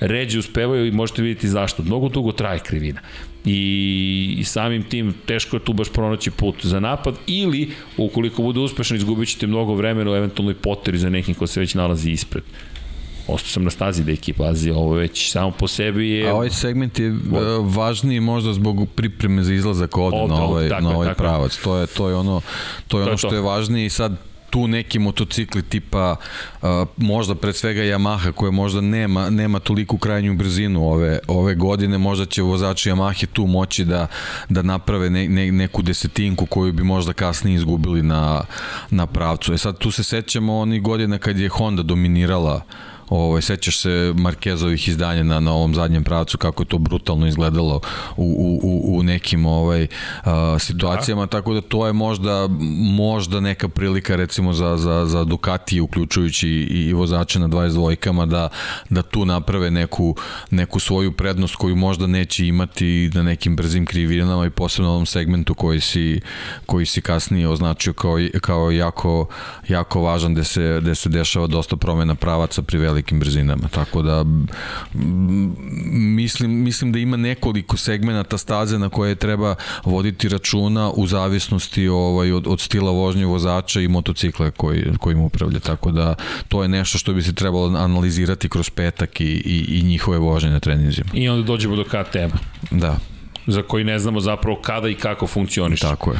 I, on, a mada, znate, znaš kome nismo odali dovoljno priznanja na prethodnoj trci, iako smo ga spomenuli, Francesco Guidotti koji je zapravo stvorio taj pobednički Tako mentalitet je. u Pramaku i zato su ga i ujotili u KTM-u, je to već sada uneo na neki način. Mislim da on može mnogo da pomogne zapravo ekipi i možda predsezonsko testiranje su makar mene zavarala zapravo koliki je njegov uticaj, ali sada kada pogledamo pripreme za trku i šta oni rade, upravo je Pete Bayer Ferrer dobio ono što je želeo, dobio inženjera ljudi Tako je, pa, i timova. Upravo ta, ta neka predsezonska testiranja su pokazala da, da ono što si, što si ti najavio sa Guidotijem, KTM više neće morati da ide na tu neku čistu performansu koja, koja se pokazuje tako na testiranjima, nekim, nekim rezultatima krugovima i tako dalje tako dalje, već je on čovek koji će, koji je sposoban, mislim znam, znamo jednostavno da je tako bilo u Pramaku, nije to nikakvo nagađanje, da je a, sposoban da izvuče maksimum iz svakog trkačkog vikenda i, i mogućnosti ekipe uh, za zadatu situaciju. Znači, odlično, uh, odlična priprema za Katar gde, gde je Binder dobio priliku da, da maksimalno izvuče motocikla, a onda, a onda potom i, i ovaj, Indonezija gde, gde Oliveira, ono, čovek koji možda i nije, nije najsavršeniji za, za, za ovaj, vrhunsko izdanje na, na, na, na, na vremenskim prilikama, neprilikama kakve smo imali, ovaj, da, da je odradio sve na maksimalan način to to prilično superiorno tako da sigurno ima ima ovaj uticaj i on na, na, na, na pripreme vozača i same ekipe, a ovo će biti stvarno za njih ovaj, a, dobra prilika da, da vidimo da je to zaista tako, pre svega što u ovoj, u ovoj situaciji kako, kako trenutno imamo u šampionatu, KTM je konkurent i za osvajanje titule među vozačima, a i među konstruktorima. Da pustimo mi Jacka Millera Tako na miru. Da. Tako da ovaj e, mislim da da da je njegova njegova ovaj uloga u u KTM-u već već ovaj prikazana na, na pravi način kroz dve trke Da, i izdanje u dve trke. Ono što će meni, što je zanimljivo, mislim da je interesantno sada vidjeti na Tech 3 da li će uticati na neki način. Tech 3 je nezavisni tim svakako, mislim da tu i ponos čini svoje, tu je, tu je dobar deo porodice RVA Ponšarala i to je porodična ekipa, ali za uspeh u... Pa dobro, da nisam KTM-u. siguran da da taj deo priče zašto je Guidoti zadužen da Ne, on da nema veze sa njima. obavezno mora da ali, bude, da. ali me zanima kako će uticati da. na njih. Da li će reći, hm, ok, možda možemo nešto ovde da naučimo. Mislim da neće, mislim pa, da će Ponšaral reći da, ne. ovo je, ovo je, ovo je uh, situacija gde ti maksimum izvači, izlačiš iz, iz, uh, iz postojećih mogućnosti za trku, a to je baš stvar jednog čoveka koji treba da, da pripremi čitavu ekipu za Grand Prix. To nema nikakve veze sa trenutnim, trenutnim stanjem motocikla, njegovim tehničkim mogućnostima i tako dalje, tako dalje, već izlačenje maksimum iz trenutne situacije, tako da um, sa, sa tek 3 onako baš je, baš je nezgodna situacija, posebno zato što u ovom trenutku imaš vozače gde su obojica Novajlije i, i, i to je onako baš, uh, baš nezgodno ako, ako nemaš ti mogućnost da se, da se kroz ekipu ovaj, mo, mobilišeš i da, da u određenom trenutku izvučeš maksimum. U Videli smo, izvini, videli smo ne, Gardner imao ono, ono banalan problem sa, sa, sa kacigom i, Ali- i vizirom i vodom. Mislim, to su neke stvari na koje je teško uticati stvarno, ali eto, jednostavno dešavaju se. Šta ti istorija, ko je imao probleme sa vizirom? 2015. godine, Jorge Lorenzo, prva trka sezone, zašto i promenio i, i, i, i proizvođača kacige, dakle sad da ne kritikujem i ne promovišem nikoga, Da, da. iako pamtimo, ali njemu je Sunđer zaštitni pao u prvoj trci sezone u Kataru, spustio mu se, ispuštao mu se preko očiju, sad zamislite vi vozite u Kataru na startno ciljnom pravcu 330, 40 i kusur kilometara na čas u tom momentu, ako on siđe jedan Sunđer pred oči, Zatim, u Velikoj Britaniji mu je maglila kaciga u onoj čuvenoj trci u kojoj Rossi izdominirao zajedno s Petrućijem. Mi nemamo pojma šta bi uradio Jorge Lorenzo, ali njemu se zamaglila cela kaciga i odjednom, čekaj, da li će titula šampiona sveta biti odlučena zbog toga? O tome se ne priča jer opet Marquez, Rossi 2015. gde je to sve otišlo, ali to su detalji i onda dođeš na menadžera ekipe koji kaže čekaj, ko je zadužen za kacige? Aha, to je lično sponzorstvo koje vozači regulišu.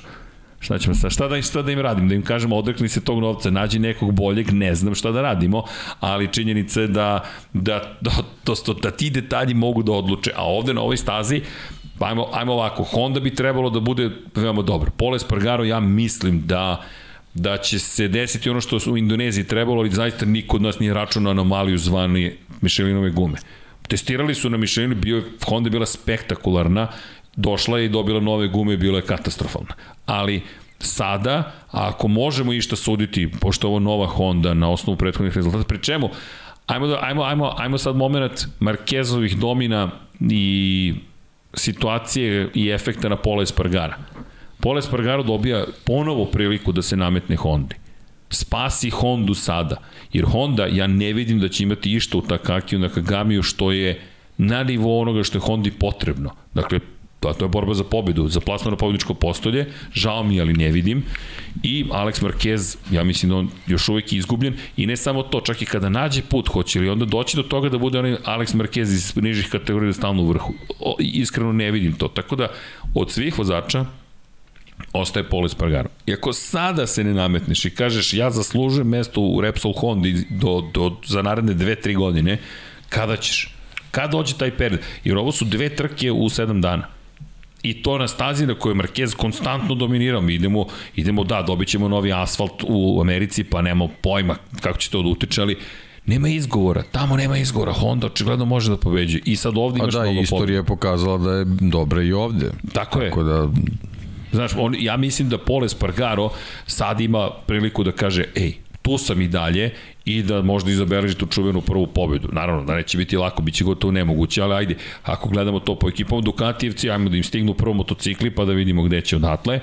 Peko Banjaja, pritom Ima jedan poen posle dve Da, trke. da, čovjek koji isto traži sebe, to je, to je ovaj neverovatno posle onakve prošlogodišnje sezone, naravno svi su svi su od Peka očekivali mnogo više, ali to je ono nekako se ponavlja, opet priča, opet neki loš start sezone, očigledno da nije sad samo do njega, gledajući druge vozače na 22-kama, ali ako si, ako si šampionski ovaj, eh, potencijal, moraš da uradiš isto ono što je Kvartararu radio je. u, u Indoneziji. Budi šampion. Jer mi smo, sećaš se barem ja, ja sam na početku svrstao, napravio sam kao eto, iste neke grupe vozača koji da kažemo svi su dobri i jednaki, nekako po meni u odnosu na, na ono što se dešavalo prošle sezone, ja, ja sam ipak izdvojio Kvartarara, Banjaju i Mira koji su na kraju krajeva i u šampionatu tako i završili, takav je i poredak bio. Jeste, bukvalno tako. E sad, od, od, od njih trojice, samo Banjaje nije na nekom prihvatljivom nivou za početak sezone. Mir može i dalje biti Pa zadovoljan. tu je, da, mislim, Ej, tu je. mala, mala je bodovna razlika. Motocikl deluje da je bolji. Be, delo je da, da, da je bolji, tu još imaju neke finese koji trebaju da, da se odrade, naravno opet ona, ona, ona stara priča, da se ponavljamo 500 puta ovaj, kvalifikacije, kvalifikacije, kvalifikacije za i, ovo- i ovo, što pričamo. ovo što sam rekao, mislim, za, zaista je uh, Termas je pokazao, znači start, start trke i prve dve krivine su mnogo važne za vozače koji se nalaze uh, i, iza, iza trećeg startnog reda znači uh, Suzuki ako ako njih dvojica ovaj ponovo um, Mir i Rins ako ne budu opet uh, iznad ispod u stvari devete devete startne pozicije jako jako teška će to biti trka za za, za njih. Da, Evo. Vanja nam- Vanja nam pokazuje hvala, da- dra, da- da. Drago je nas je pripremio još bolje. Joan Mir, peti, prvi, sedmi i nije završio trku. Dobro, ovo 2019. nije, da, nije ovo sad nešto, nešto merodavno. Nemamo, nažalost. Nema, da, ne, ali to je i da. pokazatelj ko- šta nam je COVID takođe uradio kada je reč o nekoj pripremi analizi. Ali Da, hvala. ali generalno nemamo, i ovo je super, u stvari to nismo ispomenuli, mislim, generalno mi idemo na stazu gde od trenutne ekipe koje u Moto Grand Prix, ne znam, 7-8 vozača, 9 je maksimalno vozilo na ovoj stazi. Tako je. Imamo i taj, taj moment koji je, koji je jako važan, a posebno je važan zbog ove situacije sa kašnjenjem opreme i tako dalje, i tako dalje. Luka Marini nije vozio Tako je, Novajlije neće imati baš prilike da, da se preterano ovaj, pripreme za... za na Moto Grand Prix stazu. motociklu. Da, da, dakle, da. spremat će se ovako kao i mi, samo što su mnogo bolji u, u, u igricama. Pa i nisu. I nisu. Se, gleda, sećaš se kako je bilo za vreme COVID-a kad e, da, igrali. bilo je svega. Bo, bilo je, bilo je pašanje Mada su- trave i šljunka i svašta je bilo to. Mada su su, e, videlo se da smo Rosijevo godište. Rossi je bio najsporiji po tom pitanju. Mada Rossi, kakav rig ima, ne znam da li si vidio za GT sedmicu. A, deki, morat ćemo da uzvrtimo nekim brendiranim sadržajem, da ne kažem, moramo da izbrendiramo našu stolicu. Ako može Vale, možemo i mi. Dakle, ne znam da ste videli, ali za GT7 čovjek se ozbiljno pripremio. Žuta stolica, sve kod kuće, mada ne znam šta, šta kaže gospođa, ko čuva dete. Ili je to njemu posao, sad ne znam, pod šta će da podvede tu situaciju. On je, on je tako, on je novi promoter, tako da to, Jeste, je, to je ozbiljno, pa, to ozbiljan posao, posao. To je da, posao. Da, da. Tako da ne može da, ne može da ne vozi. Izvinjavam se, ali moram da vozim. Ali da, zamisli, e daj, to je zanimljivo. Inače, bila je emisija Dušan Borković i Valentino Rossi na, na stazi, pa eto to bacite pogled, da ne promovišem nužno na kojoj televiziji je bila, ali eto to je nešto simpatično, mi podržavamo pre svega te neke neverovatne situacije, ali ono što smo pričali Dani Pedrosa, Miloš Pavlović, Dušan Borković, Valentino Rossi, pa da se zna ko s kim vozi, gde i kako, ali eto to su simpatični momenti. No, da se vratimo mi na ovu priču, da, i da, apropo Suzuki, samo kratko, ja nemam pojma šta će biti ni sa Aleksom Rinsom, ni s Johnom Mirom na ovoj trci, S obzirom na činjenicu da Suzuki još uvek pomalo mističan u celoj priči. Deluje da ima brzinu, ali da li će ju iskoristiti? Alex Rins koji generalno deluje da će da dobro vozi na ovoj stazi. Pa da, i jedan od vozača koji onako ima, ima lepo iskustvo na Moto Grand Prix motociklu ovde. Da. Jednu nezavršenu da. trku, ali ok, to je izuzetak i dalje kada pogledamo da. sve ove rezultate. To bi trebalo da mu pomogne. I drugo, Rins... I, Rins I on bi trebao da pomogne ekipi. Pazi, To je, to je a, isto ajmo nešto da, što treba pogledati u ovom trenutku. Ajmo da pričamo i o tome gde je Rins u šampionatu u ovom momentu. Alex Rins u ovom momentu je osmi, ali isti broj pojena kao što Tako smo je. rekli, kao braća Espargaro i kao Joan Mir. Ali s tom razlikom što ima jedan plasman bolji, peto mesto nasuprot dva, šesta, peti i, de, i, i sedmi je bio, dva puta je bio šesti Mir, tako da Rins je ispred Mira u šampionatu sveta. I završili su obe trke, što ove godine Zlata bi moglo Pa da deluje, vredi. deluje da će biti tako, da. Da, može baš mnogo da, da vredi, jer ako pogledamo Bastianinija, prvi 11. Brad Binder drugi 8. Quartararo deveti drugi, mi Olivira nisam završio prvi sam, osmi treći Joan Da, Zarko. to nisam završio, prvi sam, to već smo absolvirali, To- to, to, u modernom Moto Grand Teško. Prix teško. Teško. Baš teško. Ali svi kada pogledamo s izuzetkom Suzukijevaca, treći, evo, Pole Spargaro, treći 12. Aleš Espargaro, četvrti deveti, onda Rins šesti, pe, eh, sedmi peti, Mir šesti šesti, Morbidelli, e ovde može da bude zanimljivo, 11. sedmi i onda Miller. Nisam završio četvrti sam, Mark Marquez peti, nije ni učestvovao, neće učestvovati, neće učestvovati, onda ostatak sveta, Derin Binder je 13. nevjerovatno, Derin Binder je ispred Takaki na je pa fantastično, ne, nemam komentar, ali dobro. Uh, Vanja, imamo no signal na LG-u, dakle, to je, pretpostavljam, normalna situacija. Da, to, to, je, to, to bi bilo to. Dakle, Vanja nas je odjavio što se tiče Sony-a. Daj nas na monitor Daj nas, daj makar da stavi na monitor, reši nam ovu dilemu, makar da znamo šta se zbiva, nekako gledamo ovaj signal. Imamo, ovo je inače 3D, ne znam da li si znao TV. Samo što niko ne zna gde su mu 3D naučare. da, nemamo ne. pojma gde su 3D naučare u celoj priči, ali dobro. Da napravimo nekih 3D 99 yardi.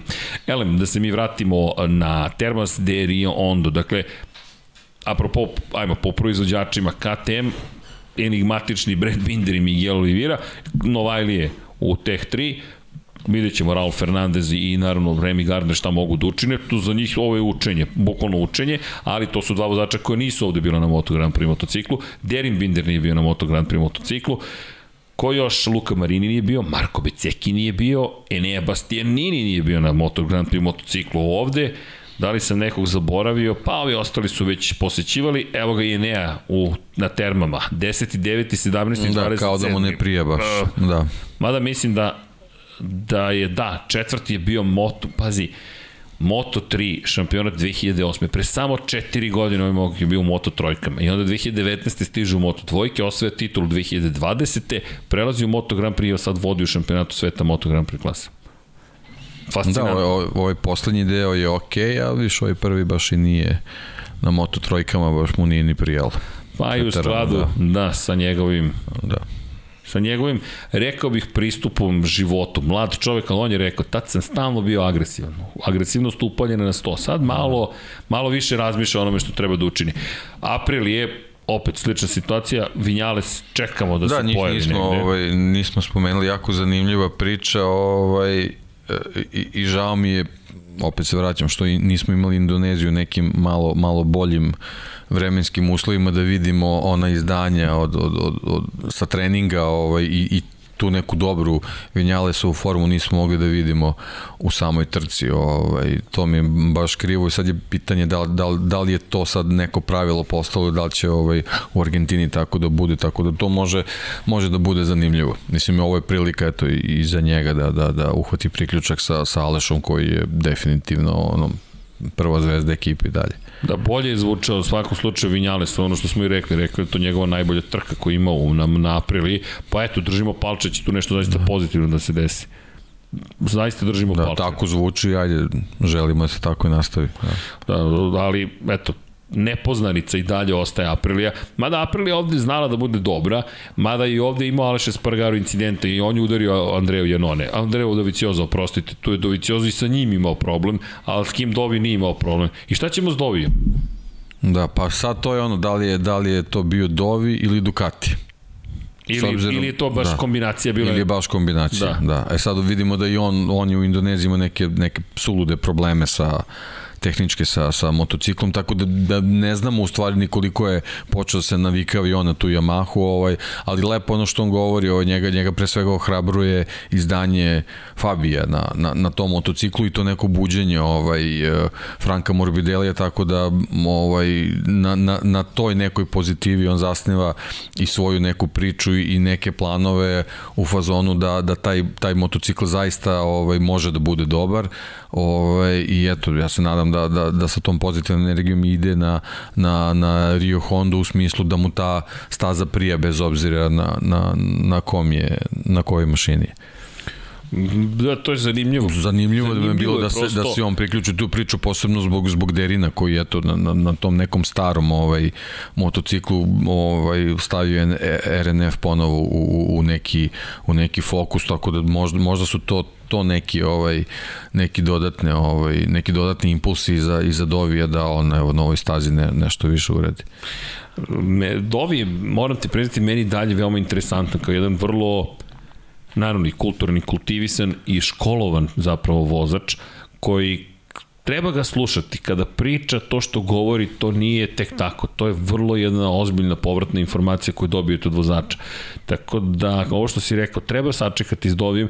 Jedino me brine malo ta motivacija, da li će negde nestati u celoj priči ili ne. Ono što ne znamo jeste kakav je taj odnos između zapravo Razlana Razalija koji vodi RNF ekipu i Dovicioza, sudeći po dokumentarcu, onom čuvenom Red Bullovom Undaunted, u kojem se jasno vidi da Doviju neprija atmosfera koja je stvorena u Ducatiju, ta atmosfera visok, izuzetno visokog pritiska i način na koji zapravo Luigi Gigi Dalinja vodi tim kada je reč o radu s vozačima, to je ono što sad ne znamo kada je RNF u pitanju. Pa da, mislim u RNF-u sigurno postoji neka vrsta pritiska pre svega zato što to je, to je mala privatna ekipa koja jednostavno se bori za život u svakoj, u svakoj situaciji, znači to nije, nije ušuškani sistem koji ono raspolaže sa ogromnim nekim sredstvima i, i može, sistem. pa da, i može da priušti te neke razne situacije gde, gde trku završiš tamo gde nisi planirao, tako da verovatno postoji neka doza pritiska, ali ovaj, mislim da, da što se dovija tiče nije, nije pritisak ovaj, usmeren na taj način pre svega zato što je tek je početak sezone i ovaj, u zavisnosti kako Yamaha bude čitavu priču formirala, mislim da će možda i on i, RNF generalno taj taj ovaj tu novu generaciju motocikla uspeti da dovedu na neki nivo približan onome koji imaju Fabio i, i, i Franco za početak ako, ako ko, kao, kao Frenki bude mogao da pruži performanse to jest kao njegov motocikl to bi već bilo zadovoljavajuće ali samo ne smo da smetnemo suma jednostavno da to privatna ekipa koja imala dosta potresa u nekom prethodnom periodu i da je zaista jako teško sad od njih očekivati uh, poredići ih pre svega sa ovim nekim uh, fabričkim većim, većim ekipama gde vidimo kakve oni problemi imaju da sad od RNF očekujemo neke, neko, neko, neko ludilo. Činjenice, kad pa, tako da. postojiš stvari, djeluje kao da se zanosim, jer Pa da, budimo da. realni, to je, to mo, možete, kad uđete prosto u prostorije ekipe, vidite razliku. Ovde imate 7 ljudi, tamo imate 77 ljudi. Pa bukvalno u ovom trenutku, sad, sad kad postavimo sve ekipe, otprilike ispadnu kao, kao najmanji tim. Pa najmanji su u ovom tim. trenutku. Pa, pa, pa koga imamo? Repsol Hondu? Ne. Lučiće Kinelo Racing? Ne. Ajmo Tech 3? Ne. KTM? Ne. Aprilia fabrička? Ne. Gresini Racing? Ne. Ver 46 ekipa? Ne. Fabrički Ducati? Ne. Pramak? Ne. Suzuki fabrički? Ne. I onda dođemo do toga, fabrička Yamaha? Ne. RNF je zapravo zaista, ne, ne, ne, ne usuđujem se to da kažem, ali naslednika Vintije de facto. To je tim koji sada pliva non stop da bi preživeo. Nije to Petronas. Petronas je bila druga priča. To je jedna velika korporacija koja je stajala iza projekta, koja sada ne stoji više iza tog projekta i to je sada bebica Razlan Razalija, koji bih rekao da svoju, neću reći krizu, ali svoj srednji dob proživljava tako što umesto crvenog kabrioleta vozi RNF ekipu. I ja ga podržam, sviđa mi se gde je otišao. Ono što je tu problem, kada tako nastupiš, ako izgubiš podršku, mislim da njegovo opstanak zavisi od dve stvari, a to su Yamahina podrška, koja trenutno makar nema drugo rešenje za satelitski tim, ali takođe Yamaha nikad nije pokazala da zna šta treba da radi sa satelitskim timovima, a ne deluje mi baš da brzo uči. Ako pogledamo probleme koje ponavlja već deceniju i kusur sa samo sa motociklom, a Pa vidi, generalno i kad pogledaš ovako u globalu, vidiš da japanski proizvođači nisu baš nešto sa satelitskim timovima Ne. U neku, nekoj dobroj kombinaciji. Ne znači, ti kad nekako. pogledaš Ducati i KTM u stvari odlično, odlično drže svoje satelitske timove zato što znaju u stvari čemu im služe. Ovi kao da nisu baš najsigurniji I čemu kao da ne treba. znaju vrednost koju dobijaju Tako od je. tih timova, je. jer Yamaha je mogla da zadrži Tech 3.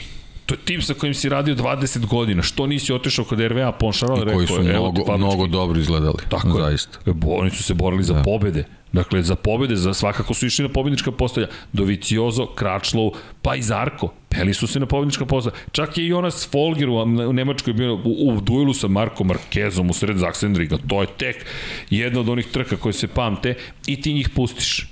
I ti bukvalno ih pustiš i te tri koji postane, pa i sad ima fabrički motocikli, dobija novac praktično od, od KTM-a, tu je našao granu na kojoj živi, ali moje mišljenje, ta kombinacija teh 3 Yamahe, sad zamisli, jer šta se desilo? Monster je davao novac jednoj maloj privatnoj ekipi.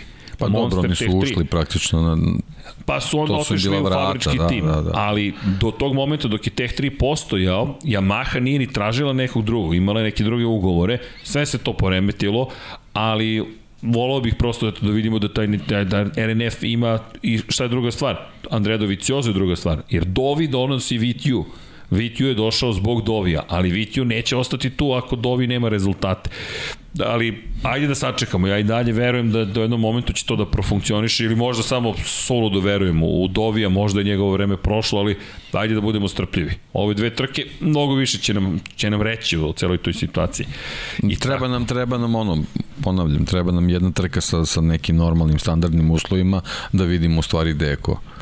Da, i kada pričamo inače o zanimljivim momentima, hajde, da ne zaboravimo, 200. trka će biti za Aleša Espargara i na samo tri trke će biti od Jorge Lorenza na spisku vozača koji su vosili najveći broj trka u kraljevskoj kategoriji. U kraljevskoj kategoriji Valentino Rossi 372 trke u kraljevskoj klasi, broj 1, broj 2 Alex Baros 245, Andrea Doviciozo 236, nažalost pokojni Niki Hayden 218, Dani Pedrosa 218, tim što Dani bi mogao da odveze još jednu ove sezone i da eto, ode na 219, Loris Capirosi 217, Jorge Lorenzo 203, Aleš ima 120, 199 i pazi na pozicijama 9 i 10.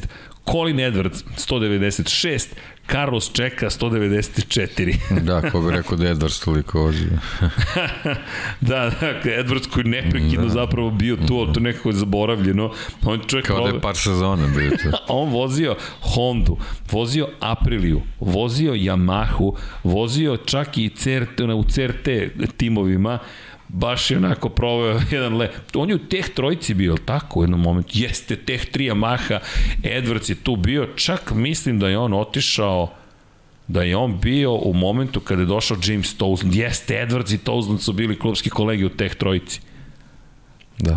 Teksašanin je ozbiljnu karijeru Pa imao. da, eto to i kad pričaš tek trojkama, pogledaš koji su tu vozači prošli, ovaj, dok, dok, je- dok je Yamaha bilo, to da. je jednostavno bio magnet za te vozače i opšte od, ulazak u Moto Grand Prix kroz tek 3 nije smatrano kao neki, neki onako kao neka niža stepenica, Naprotiv. nego ok, kao tu sam, to je, je- tek 3 je zaista u tom periodu imao, imao mnogo dobru reputaciju to što kažeš, mislim jednostavno Yamaha je to olako ispustila, mislim dobro, sad tek 3 sad trenutno nije baš ovaj, ne funkcioniše sve najbolje zb- zbog tih nekih izmena u KTM-u njihov, i njihovih, njihovih pravaca usmeravanja, ali, ali generalno ovaj, mislim da, da tek 3 uvek mora ozbiljno, ozbiljno da se, da se uzme ovaj, kad, se, kad se razgovara o nekim, nekim, nekom napretku. Deki, to je tim koji od 2000 se takmiči u, u šampionatu sveta. Ako, ako se vratimo na Olivija Žaka, još su osvojili titul, imali vice šampionsku titulu sa Šinjom na kanom, jedna sezona u 250 kubika i od onda je Teh 3 u 500 kama. Sve to bila saradnja sa Yamahom. Njihova saradnja sa Yamahom počinje iz ere 250 kubika. YZR 250, Žak na kano. Kakva sezona. I odluka u, za, u, za titulu u poslednjoj trci sezone i od onda Žak Nakano koji su počeli Baros, Norifume Abe, ne, Norifumi Abe, ne zaboravimo da je on bio tu, Ruben Chaus, Tony Elias, David i Carlos Čeka, James Ellison, Makoto Tamada, Silvan Gintoli, pa zatim u jednom momentu Rafaele da Roza, Yuki Takahashi, čisto da se ne zabori, Josh Hayes je imao jednu čak trku, Xavier Simeon, pa Bradley Smith, Mike Dimelio i tako dalje. ne, to samo to pojavljivanje Abe na toj listi ti govori kako to je bila čvrsta veza s Yamahom. Da, upravo to. koja je tu iz nekog razloga ovaj, prekinuto. Sad dobro, možda, možda je Petronas dosta uticao na to, verovatno su, pre nego što se i, i Petronas pojavio u, u, u, u Sepang ekipi, ovaj, već su bili najave da će se to i desiti, ovaj, pa, pa eto, to možda zbog toga Yamaha na, na to i uticalo, ne znam. Da, to, to je nepoznanica, ali eto, dotakli smo se i, da kažemo, i tih momenta u, u istoriji. Inače, ajte, od, od zanimljivih momenta, pazi sad ovo, KTM-ova šesta pobjeda u kraljevskoj klasi ga je dovela na osmu poziciju na spisku proizvođača svih vremena ispred AJS-a iza Nortona koji ima 21 pobedu. Eto, čisto se podsjetimo tako nekih stvari. Ne zamerite, ali malo sveto, to da je izvukli još neke podatke. Inače, Martin Reigns je čovek koji je zadužen za zvaničnu statistiku Moto Grand Prix-a i uvek možete da naćete neke zanimljive momente. Trudit ćemo se da, da eto, podsjetimo na neke na neke stvari koje su se dešavale. Evo, na današnji dan, kaže, legendarni Valentino Rossi je završio kao drugoplasirani i za još, legendarnog, još jednog legendarnog vozača Danije Pedrose i došao do stotog pobedničkog postolja na velikoj nagradi Španije 2008 od te 2008. do 2021. još 99 plasmana na pobedničko postolje. I koliko puta je bio blizu onog 200 tog, i kao nevjerojatno kad prođeš kroz istoriju da pomisliš samo to jedno da si ostao na točkovima ali da parafraziram, Rosija koji je govorio ja tako vozim i da sam drugačije vozio, možda bih ostao na točkovima više puta, ali bih možda imao 30 pobjeda manje.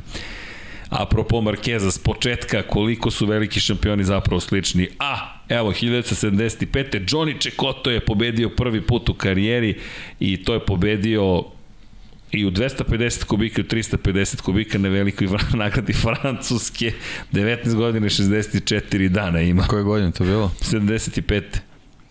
Johnny Čekoto. da je legendarni Johnny Čekoto.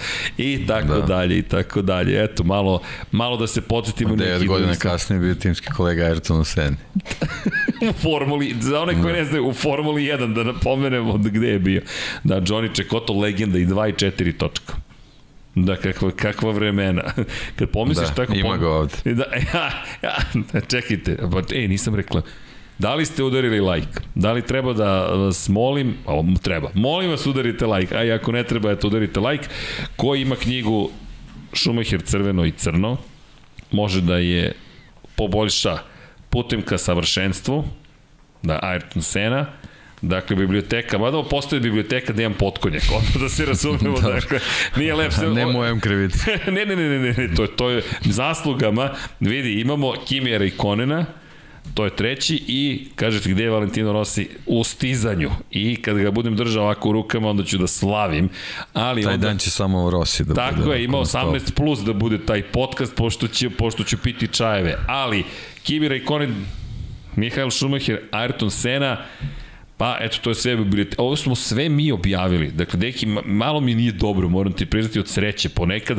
I hvala vam za svu podršku koju imate. Verujte nam, stiže i Valentino Rossi. Sve ovo što vidite nije se desilo tek tako. Da, imali smo poteškoće. Inače, ovo smo objavili. Dakle, izdali, mada mi je rekao Galeb, nemoj goriš izdali, ništa nisi izdao, ti si objavio. Rekao, dobro Galeb, izvini. Ali, pošto kaže, ne, ne, ne, ne možeš da izdaješ. ja kažem, pa dobro, izdavač si, nisi objavljivač. Ali dobro, i ovo smo uvezli, inače dobili smo i prelepu novogodišnju, uskršnju, ne uskršnju, božićnu, izvinjam se, uskrs stiže, božićnu čestitku od gospodina Wernera Hefligera, a nadam se da će uskoro da vam ispomenim ime, znaš koje ime, deki? Jacques Deschenaux. Pozdrav za Hasana Bratića, sreo je gospodina Dešenoa, uzeo mu vizitku, fotografisao, poslao. Tako da, deki, spremite se, pratite ovaj kanale, idite na shop.infinitylighthouse.com, imate čak i kačket, dobio sam prvu fotografiju kačketa iz javnosti. Stiže mi fotografija, čovjek nosi Lab 76 koga prvog sretnemo, isto vodimo na piće kao što je bilo sa majicama, tako da, eto, imate, tako nas i podržavate, inače patreon.com kroz Infinity Lighthouse, ko želi može da klikne dugme join, zaista nam tako bukvalno omogućavate da radimo sve ovo što sanjamo i da neke stvari sprovedemo u delo. Ne zamerite što ponekad kasnim ja konkretno, ovaj gospodin ne kasni, i većinom ljudi ne kasni, ali ja sam onaj što gura granice mogućih, nemogućih, pa ću prvi da ispadnem kroz prozor, ali nismo dobar... Jer da poletiš na high side. Pa vidi, ha, ha, ha, ali ne puštam gas. e, ta ti dobra referenca zapravo, koliko... Ali, Ajmo ovako, je li Rossi padao? Je li Marquez padao? Je li Filip izletao sa staze? Dakle, to su normalne stvari. Dakle, prvi put vozim neke trke, nova staza, moj pristup je daj da otkrijemo odmah gde je granica, odmah u šljunak, Dek ima malo metodičniji pristup celoj situaciji, pa ja tek ima metode, pa je endurance, pa je baš endurance i to je to. Inače, pozdrav za Hasana Bratića, pa i Andreja Isakovića, opet je lepio nalepnice. Kad dobijemo račun negde sa neke staze biće, gospodo, ko je Lab 76? E, samo ćemo da usme da, hvala Vanja. I tako, no, nismo mi završili. Moto Grand Prix, dakle šta da vam kažemo? Spremite se za, za, za blago rečeno uzbudljivu trku. Ja verujem da će ovo biti ponovo spektakl. Držim palče da neće padati kiša koliko god da su zabune trke po kiši i fascinantno gledati šta ti ljudi rade, mislim da, nam, da su nam potrebne trke po suvom, da zaista dobijemo taj šampionat koji smo sanjali i mislim da su dovoljno svi izjednačeni, pogotovo posle ove tri godine odsustva iz terme, iz termi, da, da dobijemo jednu fantastičnu trku. Da, to je moje i, i, zaboravili smo, ali mislim da moram da ga spomenem da. U, u, ako s ovim završavamo Moto Grand Prix, uh, Joan Zarko. Da, o da. Ovaj, počeli smo priču o, o Ducatiju, pa smo otišli na nešto čoveka, drugo. Ne jednostavno, on je, on je zaista dobar na ovoj stazi, odgovara mu ova staza. Ovaj, i, dobro, da, o, ova dva, dva krajnje rezultata su, onako da kažem, anomalije, ali, ali ovo što je u sredini pobjeda, je, pobjeda, govori da, da, stvarno, da stvarno ume da, da, da, da, da ovaj, Da odveze da, na ovoj da stazi. nanjuši, da, da nanjuši šta je bitno na ovoj stazi i mislim da, da ako, ako GP22 profunkcioniše na ovoj stazi, mislim da moram na njega ozbiljno da računam sjajno, a zaista sjajan komentar i moram ti priznati da se nadam iskreno da će to biti slučaj sa Zarkom. Zašto? Volao bih i da vidimo jednog novog pobednika, volao bih da vidimo prosto i Zarka kako skače unazad taj salto da. i mislim da to može ako bi pobedio. Ne kažem da će ovde pobediti, ali ako bi mogao da pobedi, duboko verujem da bismo dobili još jednu novu Mislim verziju Mislim da je bitno da, da ponovi jedno dobro izdanje kao što ima u Indoneziji. To, to je sad bitno. Misliš ne... jedno za drugim? Pa da, znači nije sad onako neophodno da to bude sad pobeda. Jel vidite razlike ali, u pristupu? ali da, ali je bitno, bitno je da, da, da ponovi ponovo dobro izdanje, pošto videlo se u Indoneziji da je stvarno bio zadovoljan. Tako da ovaj, još jedno dobro izdanje i sad već kad smo, kad smo kod Pramaka, Jorge Martin mora, mora da izađe iz ovog nekog lošeg perioda koji onako nije čak ni njegovom krivicom sve, ali, ali eto, generalno, ovaj, jednostavno kad, kad, kad se tako neke stvari dešavaju, moraš nečim dobrim da, da ih anuliraš. Apropo, apropo cijele te priče, zaista dvostruki šampion sveta je Joan Zarko u Moto2 klasi. Nekako kao da to preo ne bregne, makar ja često, a ne bi trebalo. Joan Zarko dovoljno je blizu vrha da, da zaslužuje da se spomenje. Problem leže u tome što on ima fabrički motocikl i već je toliko dugo tu, opet, sad, on je oživeo već jednu svoju karijeru, vreme prolazi, Dakle, nema mogućnost, rekao bih, da ponovo prođe kroz proces oživljavanja karijere. On sad mora da ostvari svoj potencijal. Jer otišao je u fabrički KTM, izašao iz fabričkog KTM-a. Našao negde Hondu te sezone, otišao u Avintiju, čudesno pobedničko postolje u Brnu, uz onaj dugi krug, najsavršeniji krug svih vremena. Onakav dugi krug se više nikada neće desiti. To je jednostavno, to je to, to je taj dan bio a popeo se na pobedničko postoje. Dobio je ugovor u Pramaku, dobio je fabrički motocikl. Druga sezona na, na, na, na najnovijoj verziji GP-a, ovoga puta 22, ali novi klinci dolaze I sad je taj trenutak. Zato slažem se s tobom, mnogo je pametnije bi bilo da bude to treći, drugi, četvrti, peti, drugi, drugi, drugi, drugi.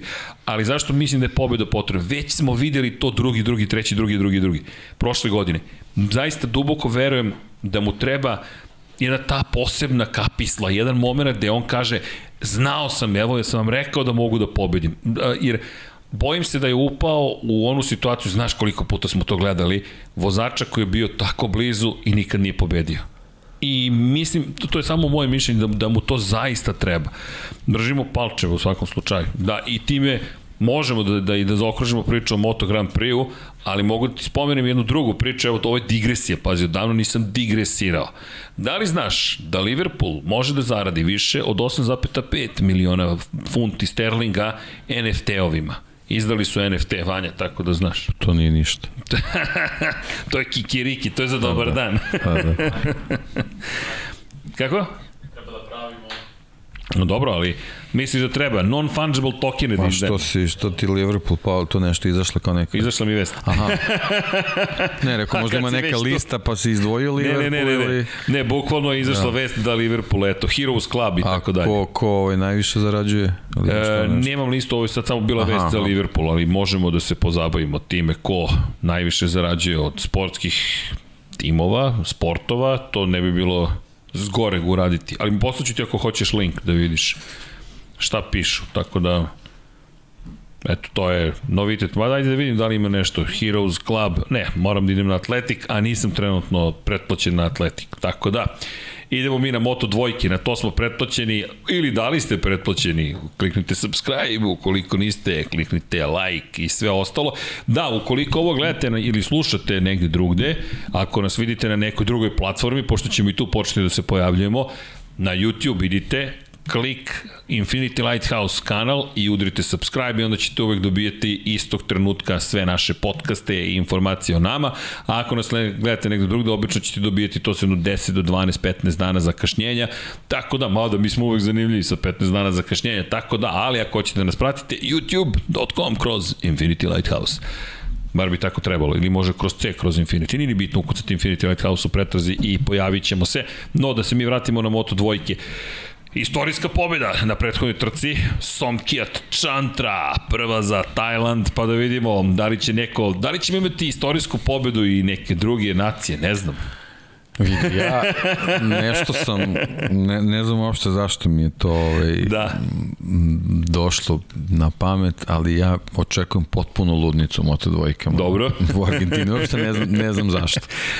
Slušajte, Nekako kad, ja- kad, kad, kad prođeš kroz sve te vozače, one koji su se već ostvarili ove godine, i koji nisu, ja mislim da će Argentina biti mesto za, za potpuno ludilo. Za Da pobedu Gabriel Rodriga. Ne znam ko, ali mislim da će biti stvarno ovaj, potpuno, potpuno ludilo. Pre svega Vjeti i Kane su mi onako, naravno, u, u prvom planu i, i ovaj, tu je još, još ono velika grupa vozača mislim da, da, da i Dixon koji je sad, sad potpuno besan i poludeo zbog, zbog svega šta se izdešavalo i Augusto Fernandez i, i, i Pedro Acosta i ne znam ti slobodno dodaj još Sam Lowe's naravno dodaj koga god hoćeš u, u tu grupu mada jedno eto mislim Chantra onako super pobeda je bilo u Indoneziji ali mislim da, da će biti jako teško da se nešto slično ponovi Evo, gledam, iskreno gledam nacije, ajde, ajmo, okrenuli smo od istorijske prve pobjede za Tajland Somkijata Chantre. Argentinci imaju pobednika, dakle Argentina je već imala, Sebastian Porto je čovek koji je zabeležio čak sedam pobjeda, ko se ne sjeća Seba sa Porta, propustio je jedan ozbiljan period, tako da Argentinci ne mogu, koga mi još imamo? Ma vidi, ako, ako pričaš o nečem prvom, nek to bude aj ogura. Opa, može, nije Stavi za Japana. njega na listu, stavi Ajmo, njega ajmo. na listu. I Toni Okej. Arbolina i sve stavljeno na listu. Ja stvarno mislim, ne znam zašto, ali mislim da će stvarno biti super trka u, u dvojkama u Argentini. Nekako tu stazu vidim kao nešto to biti onako to. baš top za njih. Da. Okej, vidi, nemam neku argumentaciju ni, ni za ni Ne, protiv. ni ja ne bih ovaj, znao baš onako u detalje da, da ti objasnim zašto mi tako nešto ovaj, ovaj, se javlja, ali, ali stvarno mislim da će biti super trka. Ali, za razliku od Moto Grand Prix, to smo i prošli put pričali, samo da podsjetimo, Celestino Vijeti vodi u šampionatu sveta, 45 poena, pobjeda drugo mesto, drugi Aron Kane, drugi i treći, 36 poena, treći Sam Lowe's, treći i četvrti, Somkjet Chantre četvrti, bez, pobe, bez plasmana pobjeda, teška, Što smo rekli opet, teško, ne tako prolazi da, mnogo, ne da. prolazi, da. Onda imamo Augusta Fernandeza, četvrti, peti, koji nikako se probudi onako po meni da bude baš kako treba da jeste. bude. Da. Znaš, imam utisak kao, kao, kao sa Banjajom. To je onaj moment kada postane prekasno, kada je sve jedno, onda počinju pobede. To, to me malo zabrinjava. Više za Banjaju nego nužno za Augusta, ali i Augusto ima taj, čini se, problem. A Jogura, šesti šesti, zatim Kod Joan Mir. da, 20 poena, do, da, dobar, dobar komentar. Toni Arbolino, peti i osmi, Joe Roberts, osmi i 11, Jorge Navarro, sedmi, 12, 13, Ako Pedro ako Pedro Acosta. Pa dobro, da, ali Pedro Acosta. opet tu su bila neka dešavanja koje su ga malo poremetila, ali video dobro. stazu. Da, da, to Pedro je. nikad nije Nema veze stazu. ti kad si, ako Kad si- superstar, nema tu Slažem se. nikakve veze, nema, nema Kad- tu, u, u tom, u tom miljeu takva Ne, on konstatacija je u- ne, ne postoji. On je, kad si već rekao konstatacija, on je konstelacija, to Da, jest on da. je jedna od zvezda u konstelaciji šampiona, Da, da. ali to je to. Ti kažeš, ne znam, za Rossi, Marquez, takva grupa vozača, prvi put vozi negde, Fabio Quartararo, koga briga što je prvi put? To se, za, to, se bukvalno U zaboravlja. desetom krugu je već sve Ma, na svom mestu. To treći trening, to je već, a sa njegovom agresivnošću gotovo sigurno.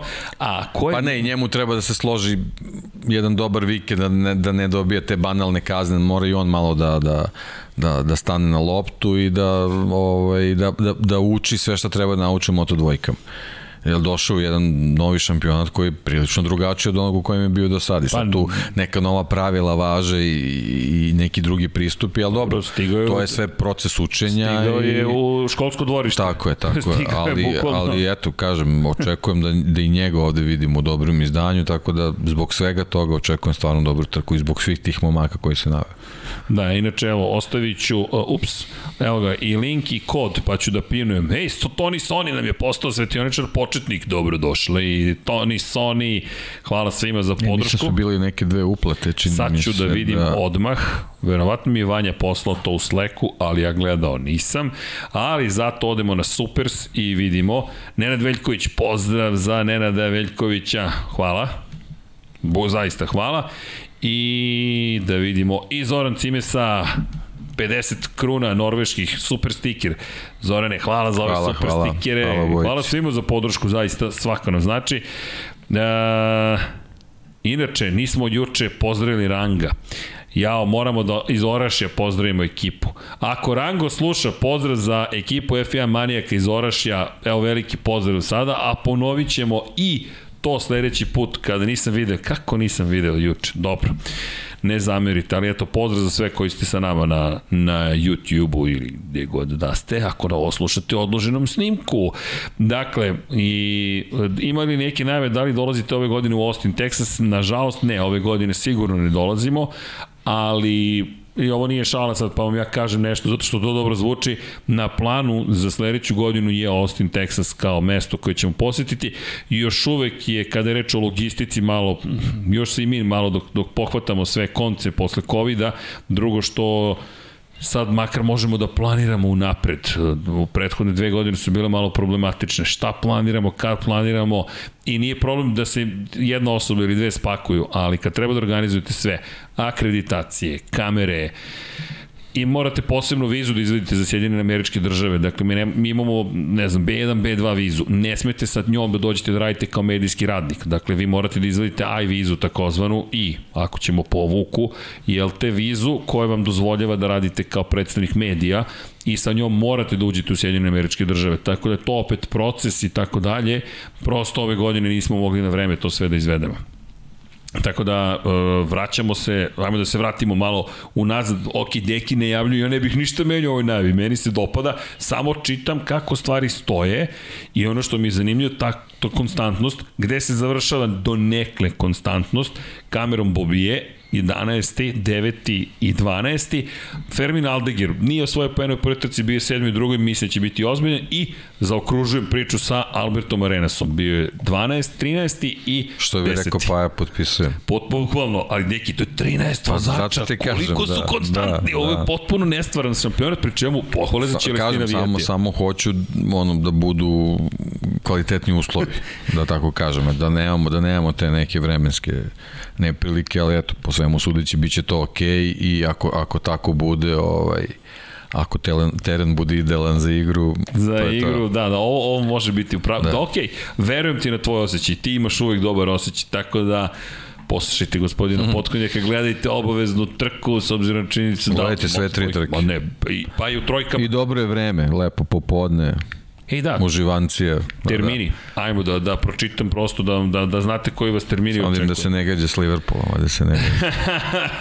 ne, e, to već ja ne znam. Ne, nije, Sad ću ja da proverim. ni, ni, nisam iz te priče. Od 14 časova krećemo, dakle govorimo o centralnoj evropskoj vremenskoj zoni, treninzi broj 1, Moto 3, ide Moto 2 pa Moto Grand Prix, završavamo negde oko 16.35. Pa, okej smo, subota, Jel okej? pola dva popodne. Tako Odlično. taman završi se Liverpool i pređete da gledate kvalifikacije.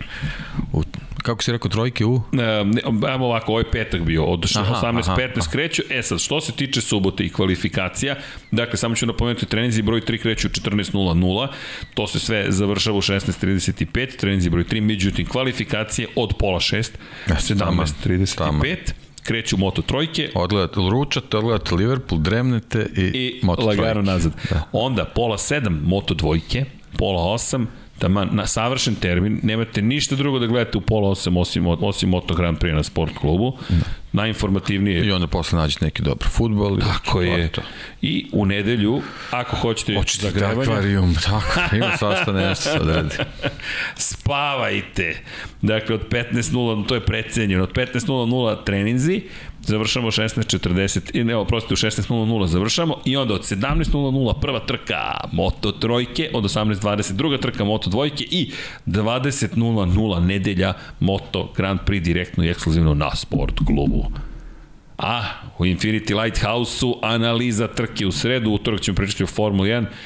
Deki, hoćeš nam stići ovih nedelja? Ne pritiskam, nije ono javni ne, ne, mislim pressure, da je peer već, pressure. ovo je, ovo je baš bilo ludilo dalje Da, da, da vidim nedelje, ovo. a, do, do petka, u petak, Da, da malo uskočiš. Ja, pa dobre su trke. petak se resetujem, da, da, da, vidim ima. da je sinoć bila i super poseta, to, Jeste. to odmah govori šta znači Formula 1 kad je zanimljiva, Jeste. to je to.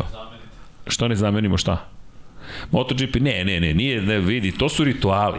Ne možeš da remetiš rituale. Utorak, Formula 1, ma ili ne znam, možda i treba. Pa nema ne, pojma. baš ako se nešto desi, to smo pričali. Ako, Da, ako bude ludilo u Ako bude baš MotoGP-u. neko ludilo, da, Slažem se, u pravu ste. da ne krčkamo, nego da eto, dok je, možemo i u ponedeljak, nije sveže. problem. Pa da, Možemo i u to ponedeljak. kažem, ne, zašto, zašto. Malo prođemo analiza da vidimo gde smo, Tako šta je, smo. samo da najavimo na vreme i sve Tako okej. je. Da, to je, to je neminovno, da, i ono što ćemo sledeće nedelje čekati jeste da vidimo da li nekim čudom Marquez može da se pojavi ili ne. Ali Moto trojke da ne zaboravimo, Denis Vođa vodi u šampionatu sveta I i ono stavljamo ga na broj 1, definitivno. Da, i svi. Zbog prosto, Leoparda, zbog tog pravca pozadi, to Ja je mislim to. da će oni tu da to nestanu je u to, daljini. to. A, Biće teško. Biće smislu- teško, da, nije, nije baš konfiguracija tako da, da možeš lako da nestaneš, ali mislim da, da, da Leopard zna kako da spremi taj Ja mislim, motocikl. znaš šta ja očekujem? Tamo napad, peta krivina i onda kroz onaj da. set tamo do pretposlednje krivine da će tu pokušati da slomi otpor i ako slomi Pa otpor treba mu do jedno prednje- tri, tri pravca. dobra kruga mu trebaju da, da, da neke dve, dve i po sekunde ovaj, napravi ali dobro, to je sad, ja verujem da i oni to tako planiraju, ali nije, nije to baš tako jednostavno. Posledno sad kad kreneš da ih čitaš, ovaj, ko će sve da ga juri. Denis tako Fođa da, vodi. Da. Sergio Garcia poen za ostatka, u odnosu na Fođu pričam.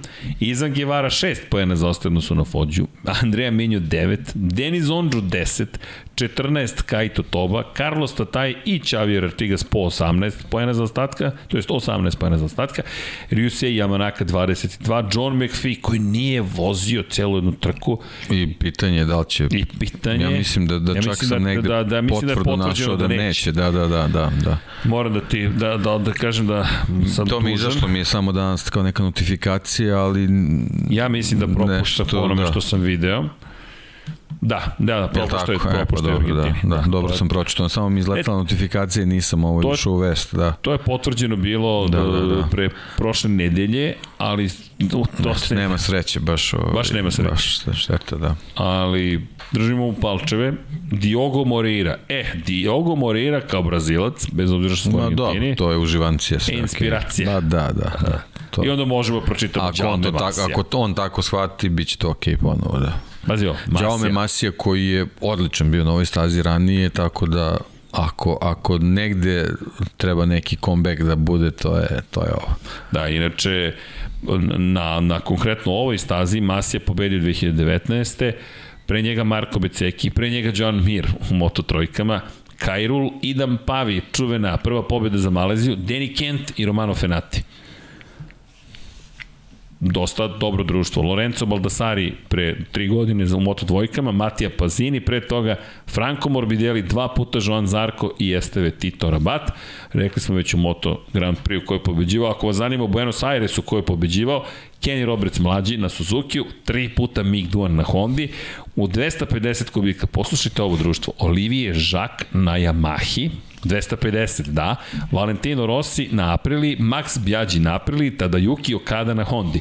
U 125 kubika, Marko Melandri Honda, Tomomi Manako Honda, Emilio Alzamora Honda, Jorge Martinez Yamaha.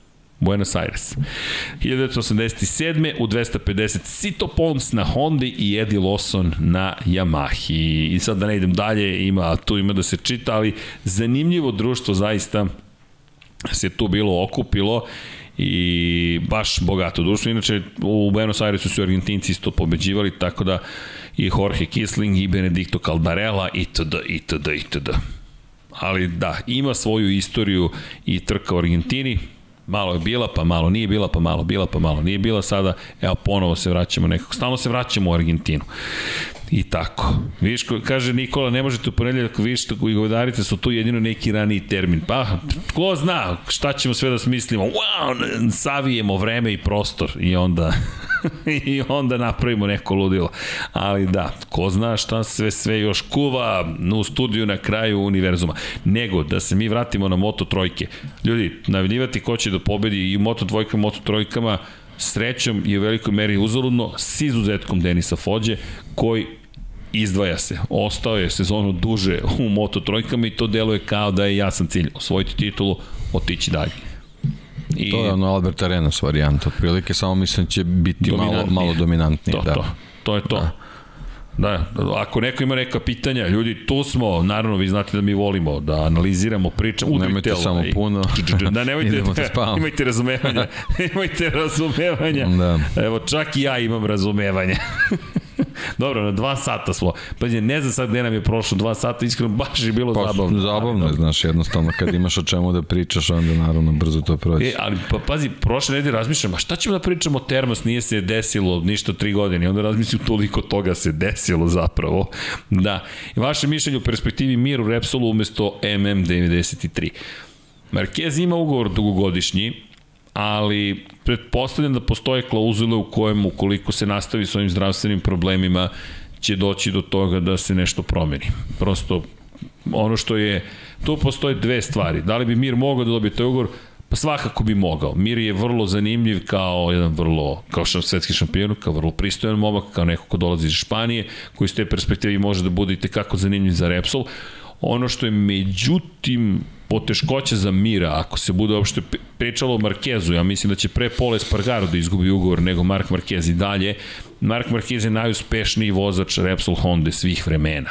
Dakle, to, to nemojte zaboraviti, to ne smemo da zaboravimo. On ima više titula i od Mika Duana i od Valentina Rosija i više pobjede na tom motociklu.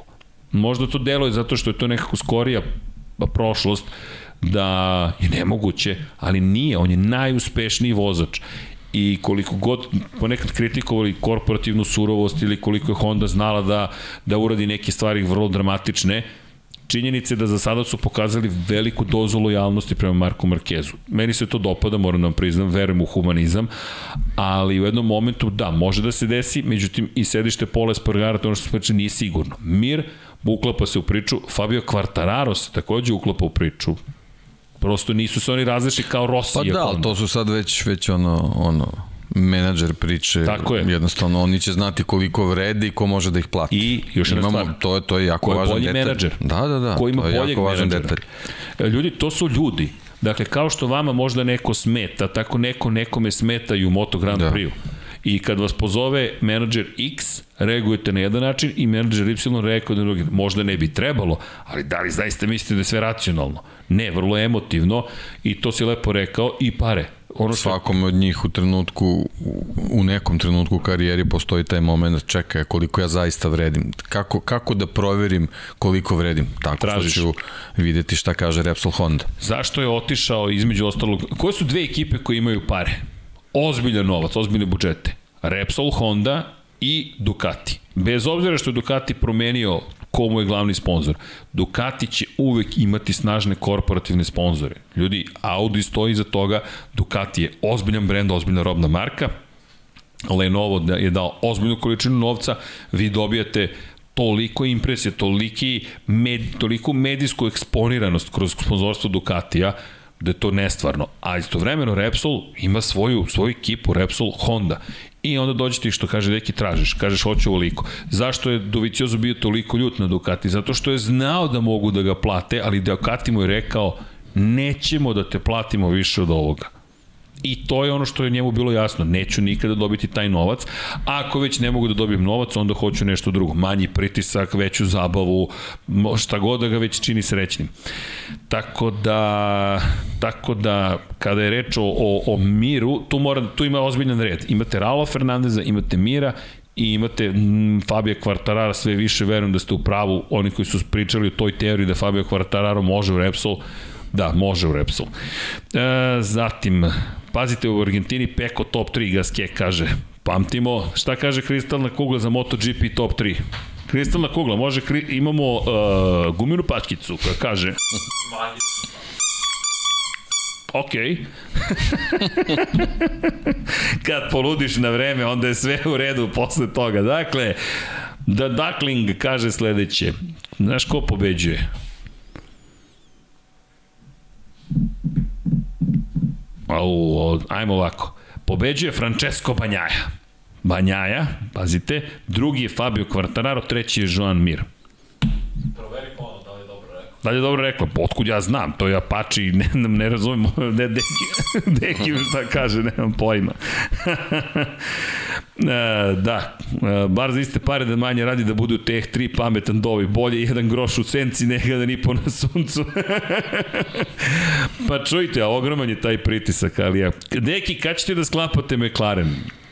Kad pobedi Lando Norris. Oh! Jao što bi voleo sad da se sklope kocke u Australiji. Ja, rekao sam, ne, ne ulazim ja sad kad i šta. Dobro, ali ako ne pobedi ove godine, hoćemo, hoćemo među sezoni tamo. Pa ajde, godine. nešto ćemo Ajmo da nešto rešimo. da smislim. Da. Čim je Srki rekao da pobeđuje Peko, znači bit će ispod desetog mesta u nedelju sigurno. hvala, hvala, hvala, hvala Boško, top 3 Argentina, Fabio Peko Rins. Nije nemoguće, nije nemoguće. Ja se šalim, ne, ne, ne prognozi, ja duboko verujem da će Fabio biti tu i da će Fabio biti zaista opasan, a Suzuki pa da, može neki Suzuki, zato Patkica kaže da će to biti jednostavno neko drugi. E, At the end of the storm, there is a golden sky, Tako bit će je. opet jak Mark. Vidi ga, ja, kako se ovi Liverpoolovci pronalaze, jao, jao, jao. Prvo knjiga pa sklapanje, slažemo se, nemojte ništa da brinete. Nemoj ništa Ne znam da na koju knjigu misli. Ima ih, ba, tek će da vidiš znaš. koje knjige Aha, stižu. dobro, dobro. A, nemojte ništa. Gde da napite dobre replike Moto Grand Prix kaciga? Ne znam. Pa ima, postoje prodavnice ovaj, u Evropi koje se, koje se bave tom prodajom. Mm, Ja ono što znam, u Maranelu postoje prodavnice gde im mogu da se nabave jedan kroz jedan replike vozača Formule 1. Sad za, za Moto Grand Prix kacig je... Hajde da se raspitam. Da, Hajde da probamo da, Da. saznamo. saznaćemo pa, pa ćemo Da. reći. Inače, evo, A jedan prema dva ima, ima zaista može, mogu svuda da se pronaći. Može jedan pozdrav. mok, pozdrav, kome? Koga treba? Kako? Ne, neki čovjek što vozi, ne znam šta, nije, Dobro. nije ni važno, ima je kacigu Predator. Ona izgleda... Aha, ima jedan momak Da. koji je dostavljač i ima kacigu Predatora, pa eto, pozdrav za Predatora. Kada pričamo o Predatoru, pričamo o junaku filmova Predator 1 i 2, ostali filmovi ne postoje. Nisu se desili, ne u ovom kosmosu u kojem smo mi, a mi smo u kosmosu 76 i ovde kod nas ne postoji Alien vs Predator osim u igrici. I kao koncept u kojem Alienu stoji glava na kraju Predatora 2, tamo gde su trofeje, u trofejnoj sobi. Inače, komentar da za Repsol Hondu morate da budete španac. Ne nužno. Ne nužno, to je u poslednje vreme postao trend, ali koliko god da vole španci ima nešto što vole mnogo više. Pobednike. Tako je. Tako da, ako prođete kroz istoriju Repsol Honda i pogledate ko su bili šampioni, Amerikanci, Italijani, Australijanci i Španci. Tako da, ako će Francuz da im vrati titulu, verujte, neće imati nikakav problem sa time. Tako, a Fabio Posebno Quartararo- Francus koji je polušpanac Polu, tako je, koji je dole kako je odrastao i- Jeste. motociklistički. I bi žive u Španiji Tako dugo. Jean Zarko ima snažne veže sa Katalonijom i sa Barcelonom. Jean je rođen relativno blizu. Svaki put kada dođemo na trku u Barceloni, Zarko ima ogroman broj svojih navijača. To se, to se zaboravlja kao da države imaju granicu i onda se ljudi ne mešaju. Ne, to tako ne funkcioniše. I jug Francuski u velikoj meri je ne blagonaklon, nego svi poviru Barcelonu. I drugo, Barcelona u velikoj meri podržava Joana Zarka, tako da ne mora da bude španac, verujte, ako će da im donese jednu, dve, tri, pet titula, Sve, sve, će, sve će to biti u redu. Ali činjenica, ako mogu da biraju da baš bude još i pride španac, onda je to super. E, dakle, Zarko, Peko, Jack, to su prognoze. Rekao Morbidelli da će pobediti u Argentini. E, jeste, Franko je rekao pobeđujemo u Argentini. Nadam se. Frenki Sez, ajde. Ajde, Frenki Sez. Da. Ivan Vujasinović, Crki, šta mislite, koliki je hendikep za vozača koji preskoči generaciju motora, na primjer Morbidelli Yamaha 2020?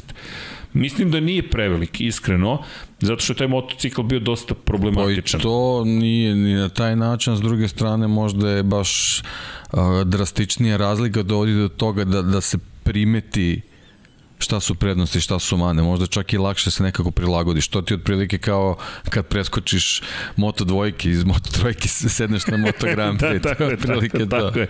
E, da odgovorim Dimitru Đokiću, knjiga o Seni, naručio sam pre par dana, još E, nije od stigla. sledeće nedelje kreće Kreće, isporuke. kreće, da, da, dostava. Da, da, tako da, da. znate, da, samo vodimo računa da sve Pa bude... da, i nema mnogo ljudi, pa je teško sve ovaj uklopiti, ali od Da. sledeće nedelje kreće Pa, dosta. ovog Stići će vrlo brzo. malo, da, da, ono što da. nismo računali, lakirana je spreda, Da. tako da ove probni otisci su, svi su tu, ali da dobijete to što smo želeli sa petim premazom, nismo znali da će Što je dosta logično kad ti štampar kaže dobro, ali sad se suši narednih 7 dana. I Ja, ali kažeš, gotovo je, "Ok, gotovo da, je sve tako, tako da, da da sledeće nedelje kreće dosta. Tako je. E, kakvog pobednika su videli u Polo Espargara? Aleksandar Branković, mi?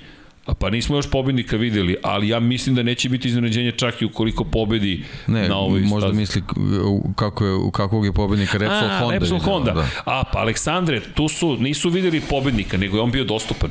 Da. I, i, A, Covid godine nemojte računati u da, da, priču. da, da, da. Um, imate, 20. 21. to je Tako je. anomalija. E, Šta su videli u polu Espargaru? Videli su bilo koga ko nije Alex Marquez. To su videli u polu Espargaru. Dakle, možda zvuči surovo, ali u tom momentu e, tržište izgleda ovako. Valentino Rossi nije neko koga želite da dovedete, niti bi vam Honda to dozvolila, prosto su prošle godine. Fabio Quartararo je potpisao za fabrički tim Yamahe. Za fabrički tim Yamahe je potpisao Maverick Vinales.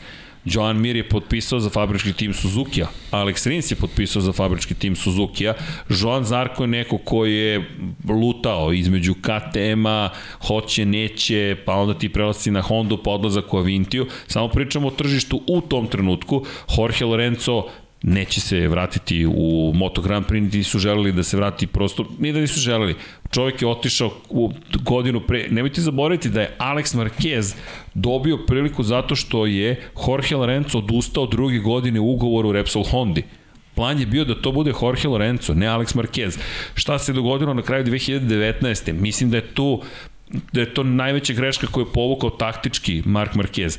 Marquez je de facto uslovio Hondu da dovede Aleksa Markeza. Oni su doveli Aleksa, ispunili su mu želju, popunili Repsol Hondu, Alex imao je tih nekoliko Kao da su mu napravili medveđu uslugu. Da. Medveđa usluga. Da. I tad smo rekli, to je bilo naše mišljenje još tada, tad još nije krenuo podcast, ali znam da smo mi pričali o tome i moja teorija je bila sledeća, dakle još kraj godine, deki ne znam da smo ti ja pričali, znam da sam s nekim pričao, možda s Pajom, ne mogu da se setim sada, ali znam da smo, da je komentar bio sledeći, ti sada žrtvuješ svoje karte, ti, ti daješ, ti bacaš karte na stoj i kažeš ja hoću mog brata u ovoj ekipi ovde. Doveli su ga i to se nije ispostavilo dobrim. U tom momentu je Mark Marquez izgubio vrlo značajne karte koje je držao u ruci, jer je to prvi put da je nešto tražio što nema nikakve veze sa performansama, to je sa nečim što će mu pomoći da bude brži. To je, to je brat, to je bratska ljubav. Za koga ćete ako nećete za rođenog brata, za porodicu, to, to, to je normalna stvar da se uradi. Ali ako gledamo poslovno, to je izgubljena, to je izgubljen jedan značajan moment. E sad, Pole Spargaro je neko ko će istisnuti Aleksa Markeza, Španac je, pa možete da kažete dovodimo Španca, i bio je šampion Moto2 kategorije i uživa određenu reputaciju u Španiji i to vam je to. Dakle, na tržištu Eto, koga biste uzeli? Peko Banjaja u tom momentu ima ugovor takođe s Ducatijem, nije još uvek dokazan.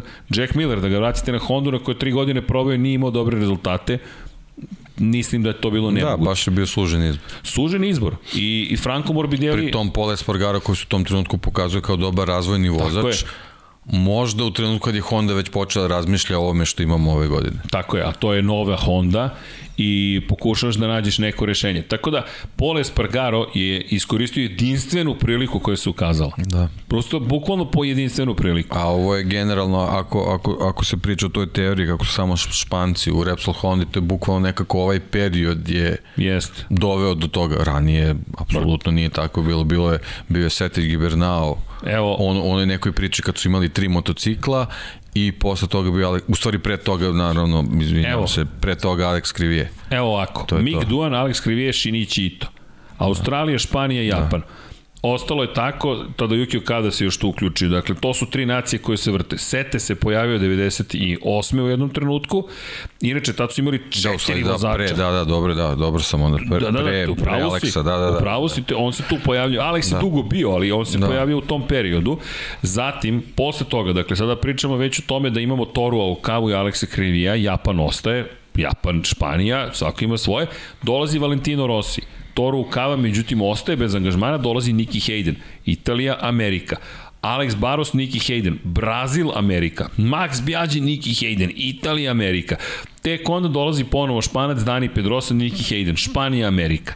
Niki Hayden, Dani Pedrosa, Dani Pedrosa, Niki Hayden, tada Juki kada jedna samo trka, Dani Pedrosa, Andrea Dovizioso, dakle Španija, Italija, tako ostaje naredne godine i onda trostruki tim, Andrea Dovizioso, Dani Pedrosa, Casey Stoner, Italija, Španija, Australija, Da, pritom niko ne može da kaže da je Pedrosa nezasluženo dobio tu poziciju. čovjek je bio trostruki šampion sveta Tako da od uzastopno. tog trenutka, eto igrom slučaja dolazi do toga da Jeste.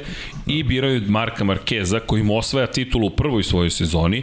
10 pobjeda u prvih 10 trka naredne sezone, druga titula. Ostaju zajedno treću sezonu, vice šampion je u tom momentu Mark Marquez, ali osvaja titulu Mark Marquez 2016. Inače Niki Pa Hayden ne, je eto, jedan ovim, stupio. ovim što se pročitao sad ovako kad se, kad se onako ovlaš pogleda, više se ispostavi da, da su Japanci uslovljavali neke svoje vozače nego, nego, nego što je Španci, nego Repsol, da. Tako je. Ali ovo je taj period da. i da vidjet ćemo šta će biti nastavak. Drugo, imate to, mnogo više sada španaca imate nego ikad u istoriji Moto Grand Prix-a.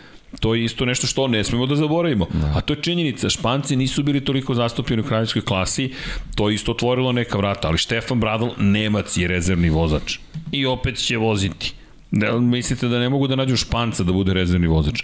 Mogu, ali ko zna šta to toliko dobro radi Štefan Bradl da ga oni zadržavaju godinama. I još jedna stvar, kao i Silvan Gintoli u Suzukiju. Francuskoj, čovjek je legendarni ra- vo- razvojni vozač sada već koji sam I to to nosi. što ćemo uskoro imati Raula Fernandeza i Pedra Costa u Repsol Hondi, opet je sasvim slučajno se dešava da su španci, ne, ne zato što, nego jednostavno dobri, Sklapaju dobri se. mladi vozači. Jeste, ali da. Imate još jednu stvar. Ducati ljudi je tapio bacio na italijanske vozače. Ducati ih grabi odmah. I Ver 46, Akademija je potpisala ugovor sa Ducatijem. Gde će da ode predstavnik najvažnije akademije italijanskih vozača. Pa cenim Pa da gde je otići- prioritet? Da. Tako je, da će otići u VR46, to je na Ducati. Tako da to, i Jorge Martina isto, ne samo da zaboravimo. Ali, da odgovorim Toni Soni, a, 76, to Toni Soni, da li šaljete majci kape u Sjedinjene američke države? Da, šaljemo, tako da znate. E, šaljemo, Bahtjer Abdurmanov 5 evra je donirao. Hvala. Bahtjere, hvala. A vi ste nam i Patreon ako se ja ne varam, tako? A, A, Boško Desančić, a Kosta će biti fabrički vozač KTM-a. Hoće jednu godinu. Ali ne znamo posle toga šta će se desiti. Tako da, inače Boško kaže da čeka nije nekog ne španca u Hondi, da budem iskreno 2012. Vamo samo španci voze u Hondi.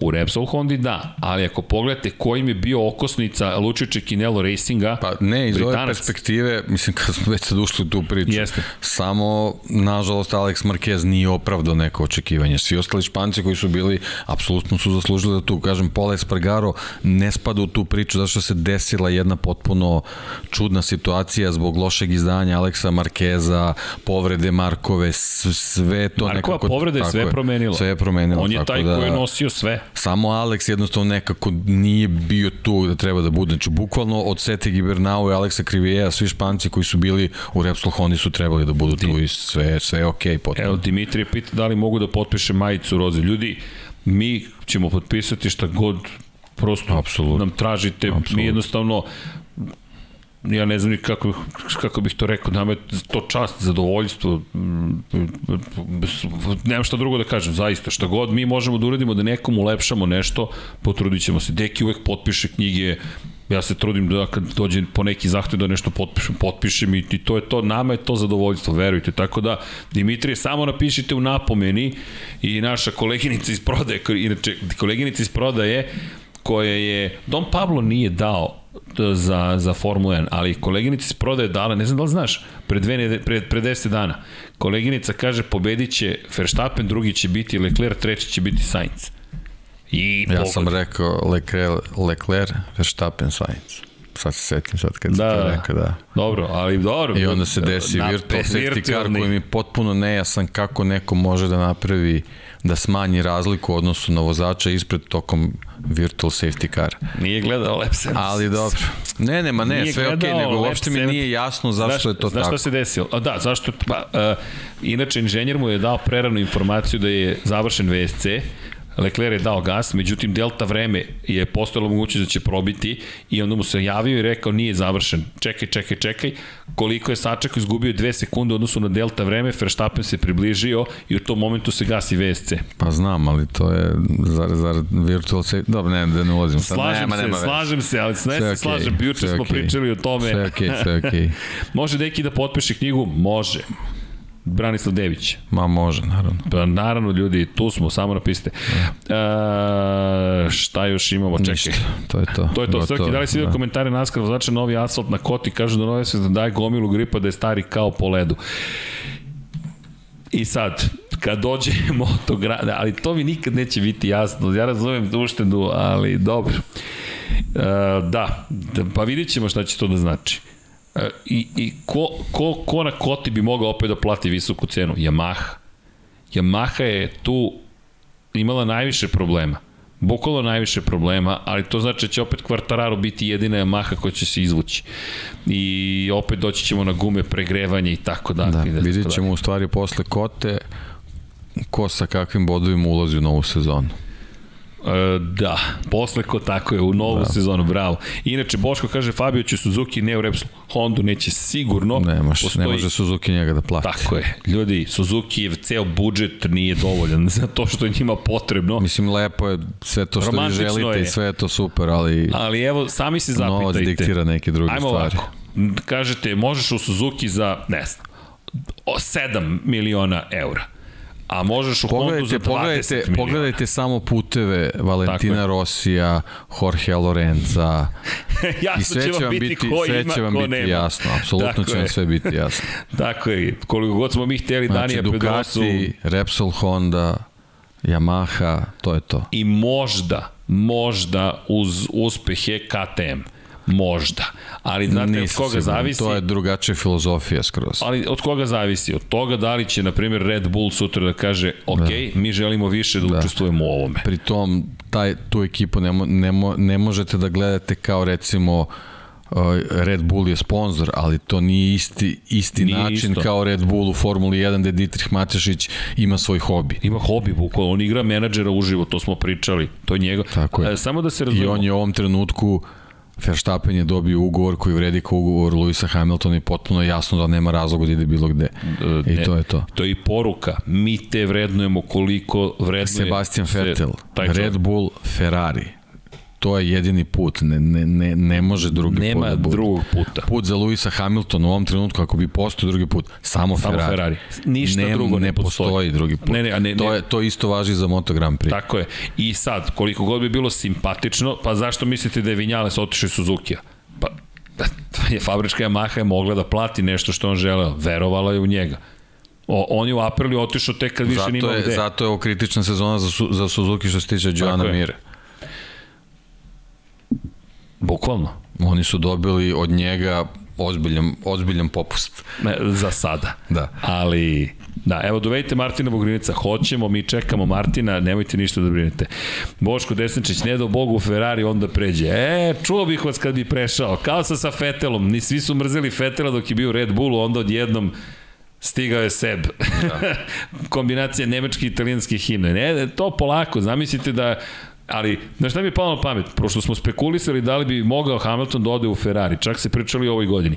Zamisli da je potpisao za Ferrari u momentu kada se Ferrari tehnički oporavi. Ja mislim da bi to bilo najluđe nešto svih vremena. I onda je rekao, on tom momentu to bi bilo to. To je kraj. Zamisli osvoji osmu titulu sa Ferrarijem, bukvalno zaključaš karijeru i kažeš ja sam onaj legendary mode odigrao na F1 2000 i tako dalje. Da. Itd. Svako To je to, slučaju, idemo. Deki, de, deki dok nam se još drži stolice, Gotovo, gotovo ja. kraj, gasimo, udrite like, ko voli Dekija, udrite like, a pecam na tebe, to sam, pecao sam na Ferrarija prošle nedelje. a evo, ja ću da ti udarim like, samom sebi, uh, like. Eto, Infinity Light kao si sa lajkova. Znaš onaj moment kad ti niko ne lajko na Instagram, pa samog sebi opališ srce. Ja sam lajkao to. već, već je lajkova. Pa uvek kad zakažem. Kad zakažeš ti lajkuješ. Tako je, Vanja. Dobro, sam moram da se ulogu u neki drugi nalog. E da, jeste primetili? Jeste primetili, nemamo ni jednog trola. Od kad smo, ko, hvala kogod da nam je predložio da moraš subscriber da budeš 3 ili 5 dana da bi mogao Trolovi su nestali kao da ih je Gandalf prevario da do jutra čekaju, igraju igre i da, za da sunce jel te izađe. U svakom slučaju, Fajrond kaže ima Vojasinović i Dekijeva ikonice tu. U to ime, vreme je da se pozdravljamo, a naravno kako se pozdravljamo, ja se nadam da ćete zadovoljni biti naši patreonci. Nemamo nikakav sad onaj tagline moment da vam kažemo, e, ostanite još malo, ima neka specijalna informacija posle ovoga. Hvala. Kome? Vaša imena i prezimena u nominativu Sava, Toni Ruščić, Mario Vidović, Ivan Toškov, Stefan Durić, Marko Bogavac, Ozren Prpić, Marko Mostarac, Nikola Grujičić, 26 tajnih pokrovitelja, hvala, Aleksa Vučević, Zoltan Mizej, Zoran Šalamon, Miloš Banduka, Laslo Boroš, Đorđe Radojević, Ivan Simonović, Mihajlo Krgović, Grgo, Grgo Živaljić, ovo je novo ime i prezime, Nikola Božinović, Monika Erceg, Omir Kovačević, Filip Banovački, Miroslav Vučinić, Predrag Simić, Žorž, Stefan Vidić, Mlađan Antić, Jelena Mak, Mladen Krstić, Marko Ćurčik, Milan Nešković, Ivan Maksimović, Bojan Mijatović, Petar Relić, Stefan Prijević, Nenad Simić, Luka Savović, Andrej Božak, Boris Vlodin, Boris Golubar, Zorana Vidić, Luka Manitašević, Ljubo Đurović, Borko Božunović, Đorđe Andrić, Aleksandar Gošić, Mirena Živković, Nemanja Miloradović, Miloš Vuletić, Vukašin Vučenović, Zoran Cimesa, Miroslav Cvetić, Marina Mihajlović, Veselin Vukićević, Jelena Jeremić, Antonio Novak, Stefan Milošević, Nikola Stanović, Jasenko Samrđić, Mihovil Stamičar, Stefan Deljković, Zoran Majdov, Josip Kovačić, Lazar Pejović, Benjamin A, Nemanja Jeremić, da, žena ne sazna, Boris Kunđić, Tijan Vidanović, Stefan Ličin, Aleksandar Antonović, Dejan Vujović, Nemanja Zagorac, Đole Bronkos, Aleksa Jelić, Aca Vizla, Igor Vučković, Đole žena mi zna, opa, Branko Misački, Nenad Đorđević, Vukašin Jekić, pozdrav za gospođu, Aleksandar M, Žarko Milić, Dejan Đokić, Bojan Markov, Erta Prelić, Igor Gašparević, Igor zvani dokumentarac stiže Gašparević na leto, Alen Stojičić, Depressed Cody, Garbrand Fan, Strahinja Blagović, Aleksandar Jurić, Vladimir Filipović, Branislav Marković, Vanja Radulović, Đorđe Đukić, Miloš Todorov, Žarko Milić, Emir Mesić, Stefan Stanković, Dušan Ristić, Vladimir Petković, Pavle Njemec, Jovan Đodan, Boris Erceg, Katarina, Ivan Cigir, Andrej Bicak, Mladen Mladenović, Dimitrij Mišić, Bahtir Abdurmanov, još jednom duplo hvala Andreja Branković, Nebojša Živanović, Jugoslav Krasnić, Nenad Pantarić, Vlada Ivanović, Stefan Janković, Aleksandar Šabanovac, Miloš Radosavljević, LFC, nemogući ste, nemogući ste, Borislav Jovanović, Andreja Miladinović. Zatim, nećemo zaboraviti ni ljude koji su članovi družine na YouTube-u, Toni Soni 76, Nikola Niksi, Branko Rašević, Petar Nujić, Nemanja Bračko, Emir Dugić, Kosta Berić, Aleks Vulović, Nikor 24, Nikola Grđan, Miloš Stanimirović, Vukašin Felbov, Igor Ilić, Voča Pero, Marko Stolković, Bakadu, Bojan Gitarić, Ivan Magdalinić, Ivan Vosinović, Resničanin, Tatjana Lemajić, Veselin Vukičić, Stojan Sabo, Mladen Dukić, Marko Bogat, Branislav Dević, Vukašin Vučenović, Almedin Ahmetović, Nemanja Labović, Aleksandar Kockar, Miloš Zed, LFC, opet Nikola Kojić, Nemanja Miloradović, Zvonimir Papić, Ivan Božanić, Marina, Vlada Ivanović, Oliver Nikolić, Andrija Todolić, Jelena Ilić, Kalabi, ja, Aleksandar Nikolić, ne, anonimna osoba, Petar Bijelić, Milorad Reljić, Nemanja Bojan Marković, Danilo Petrović i stižemo na muziku da kažemo, Deki. 1, 2, 3. Ćao svima! Thank you.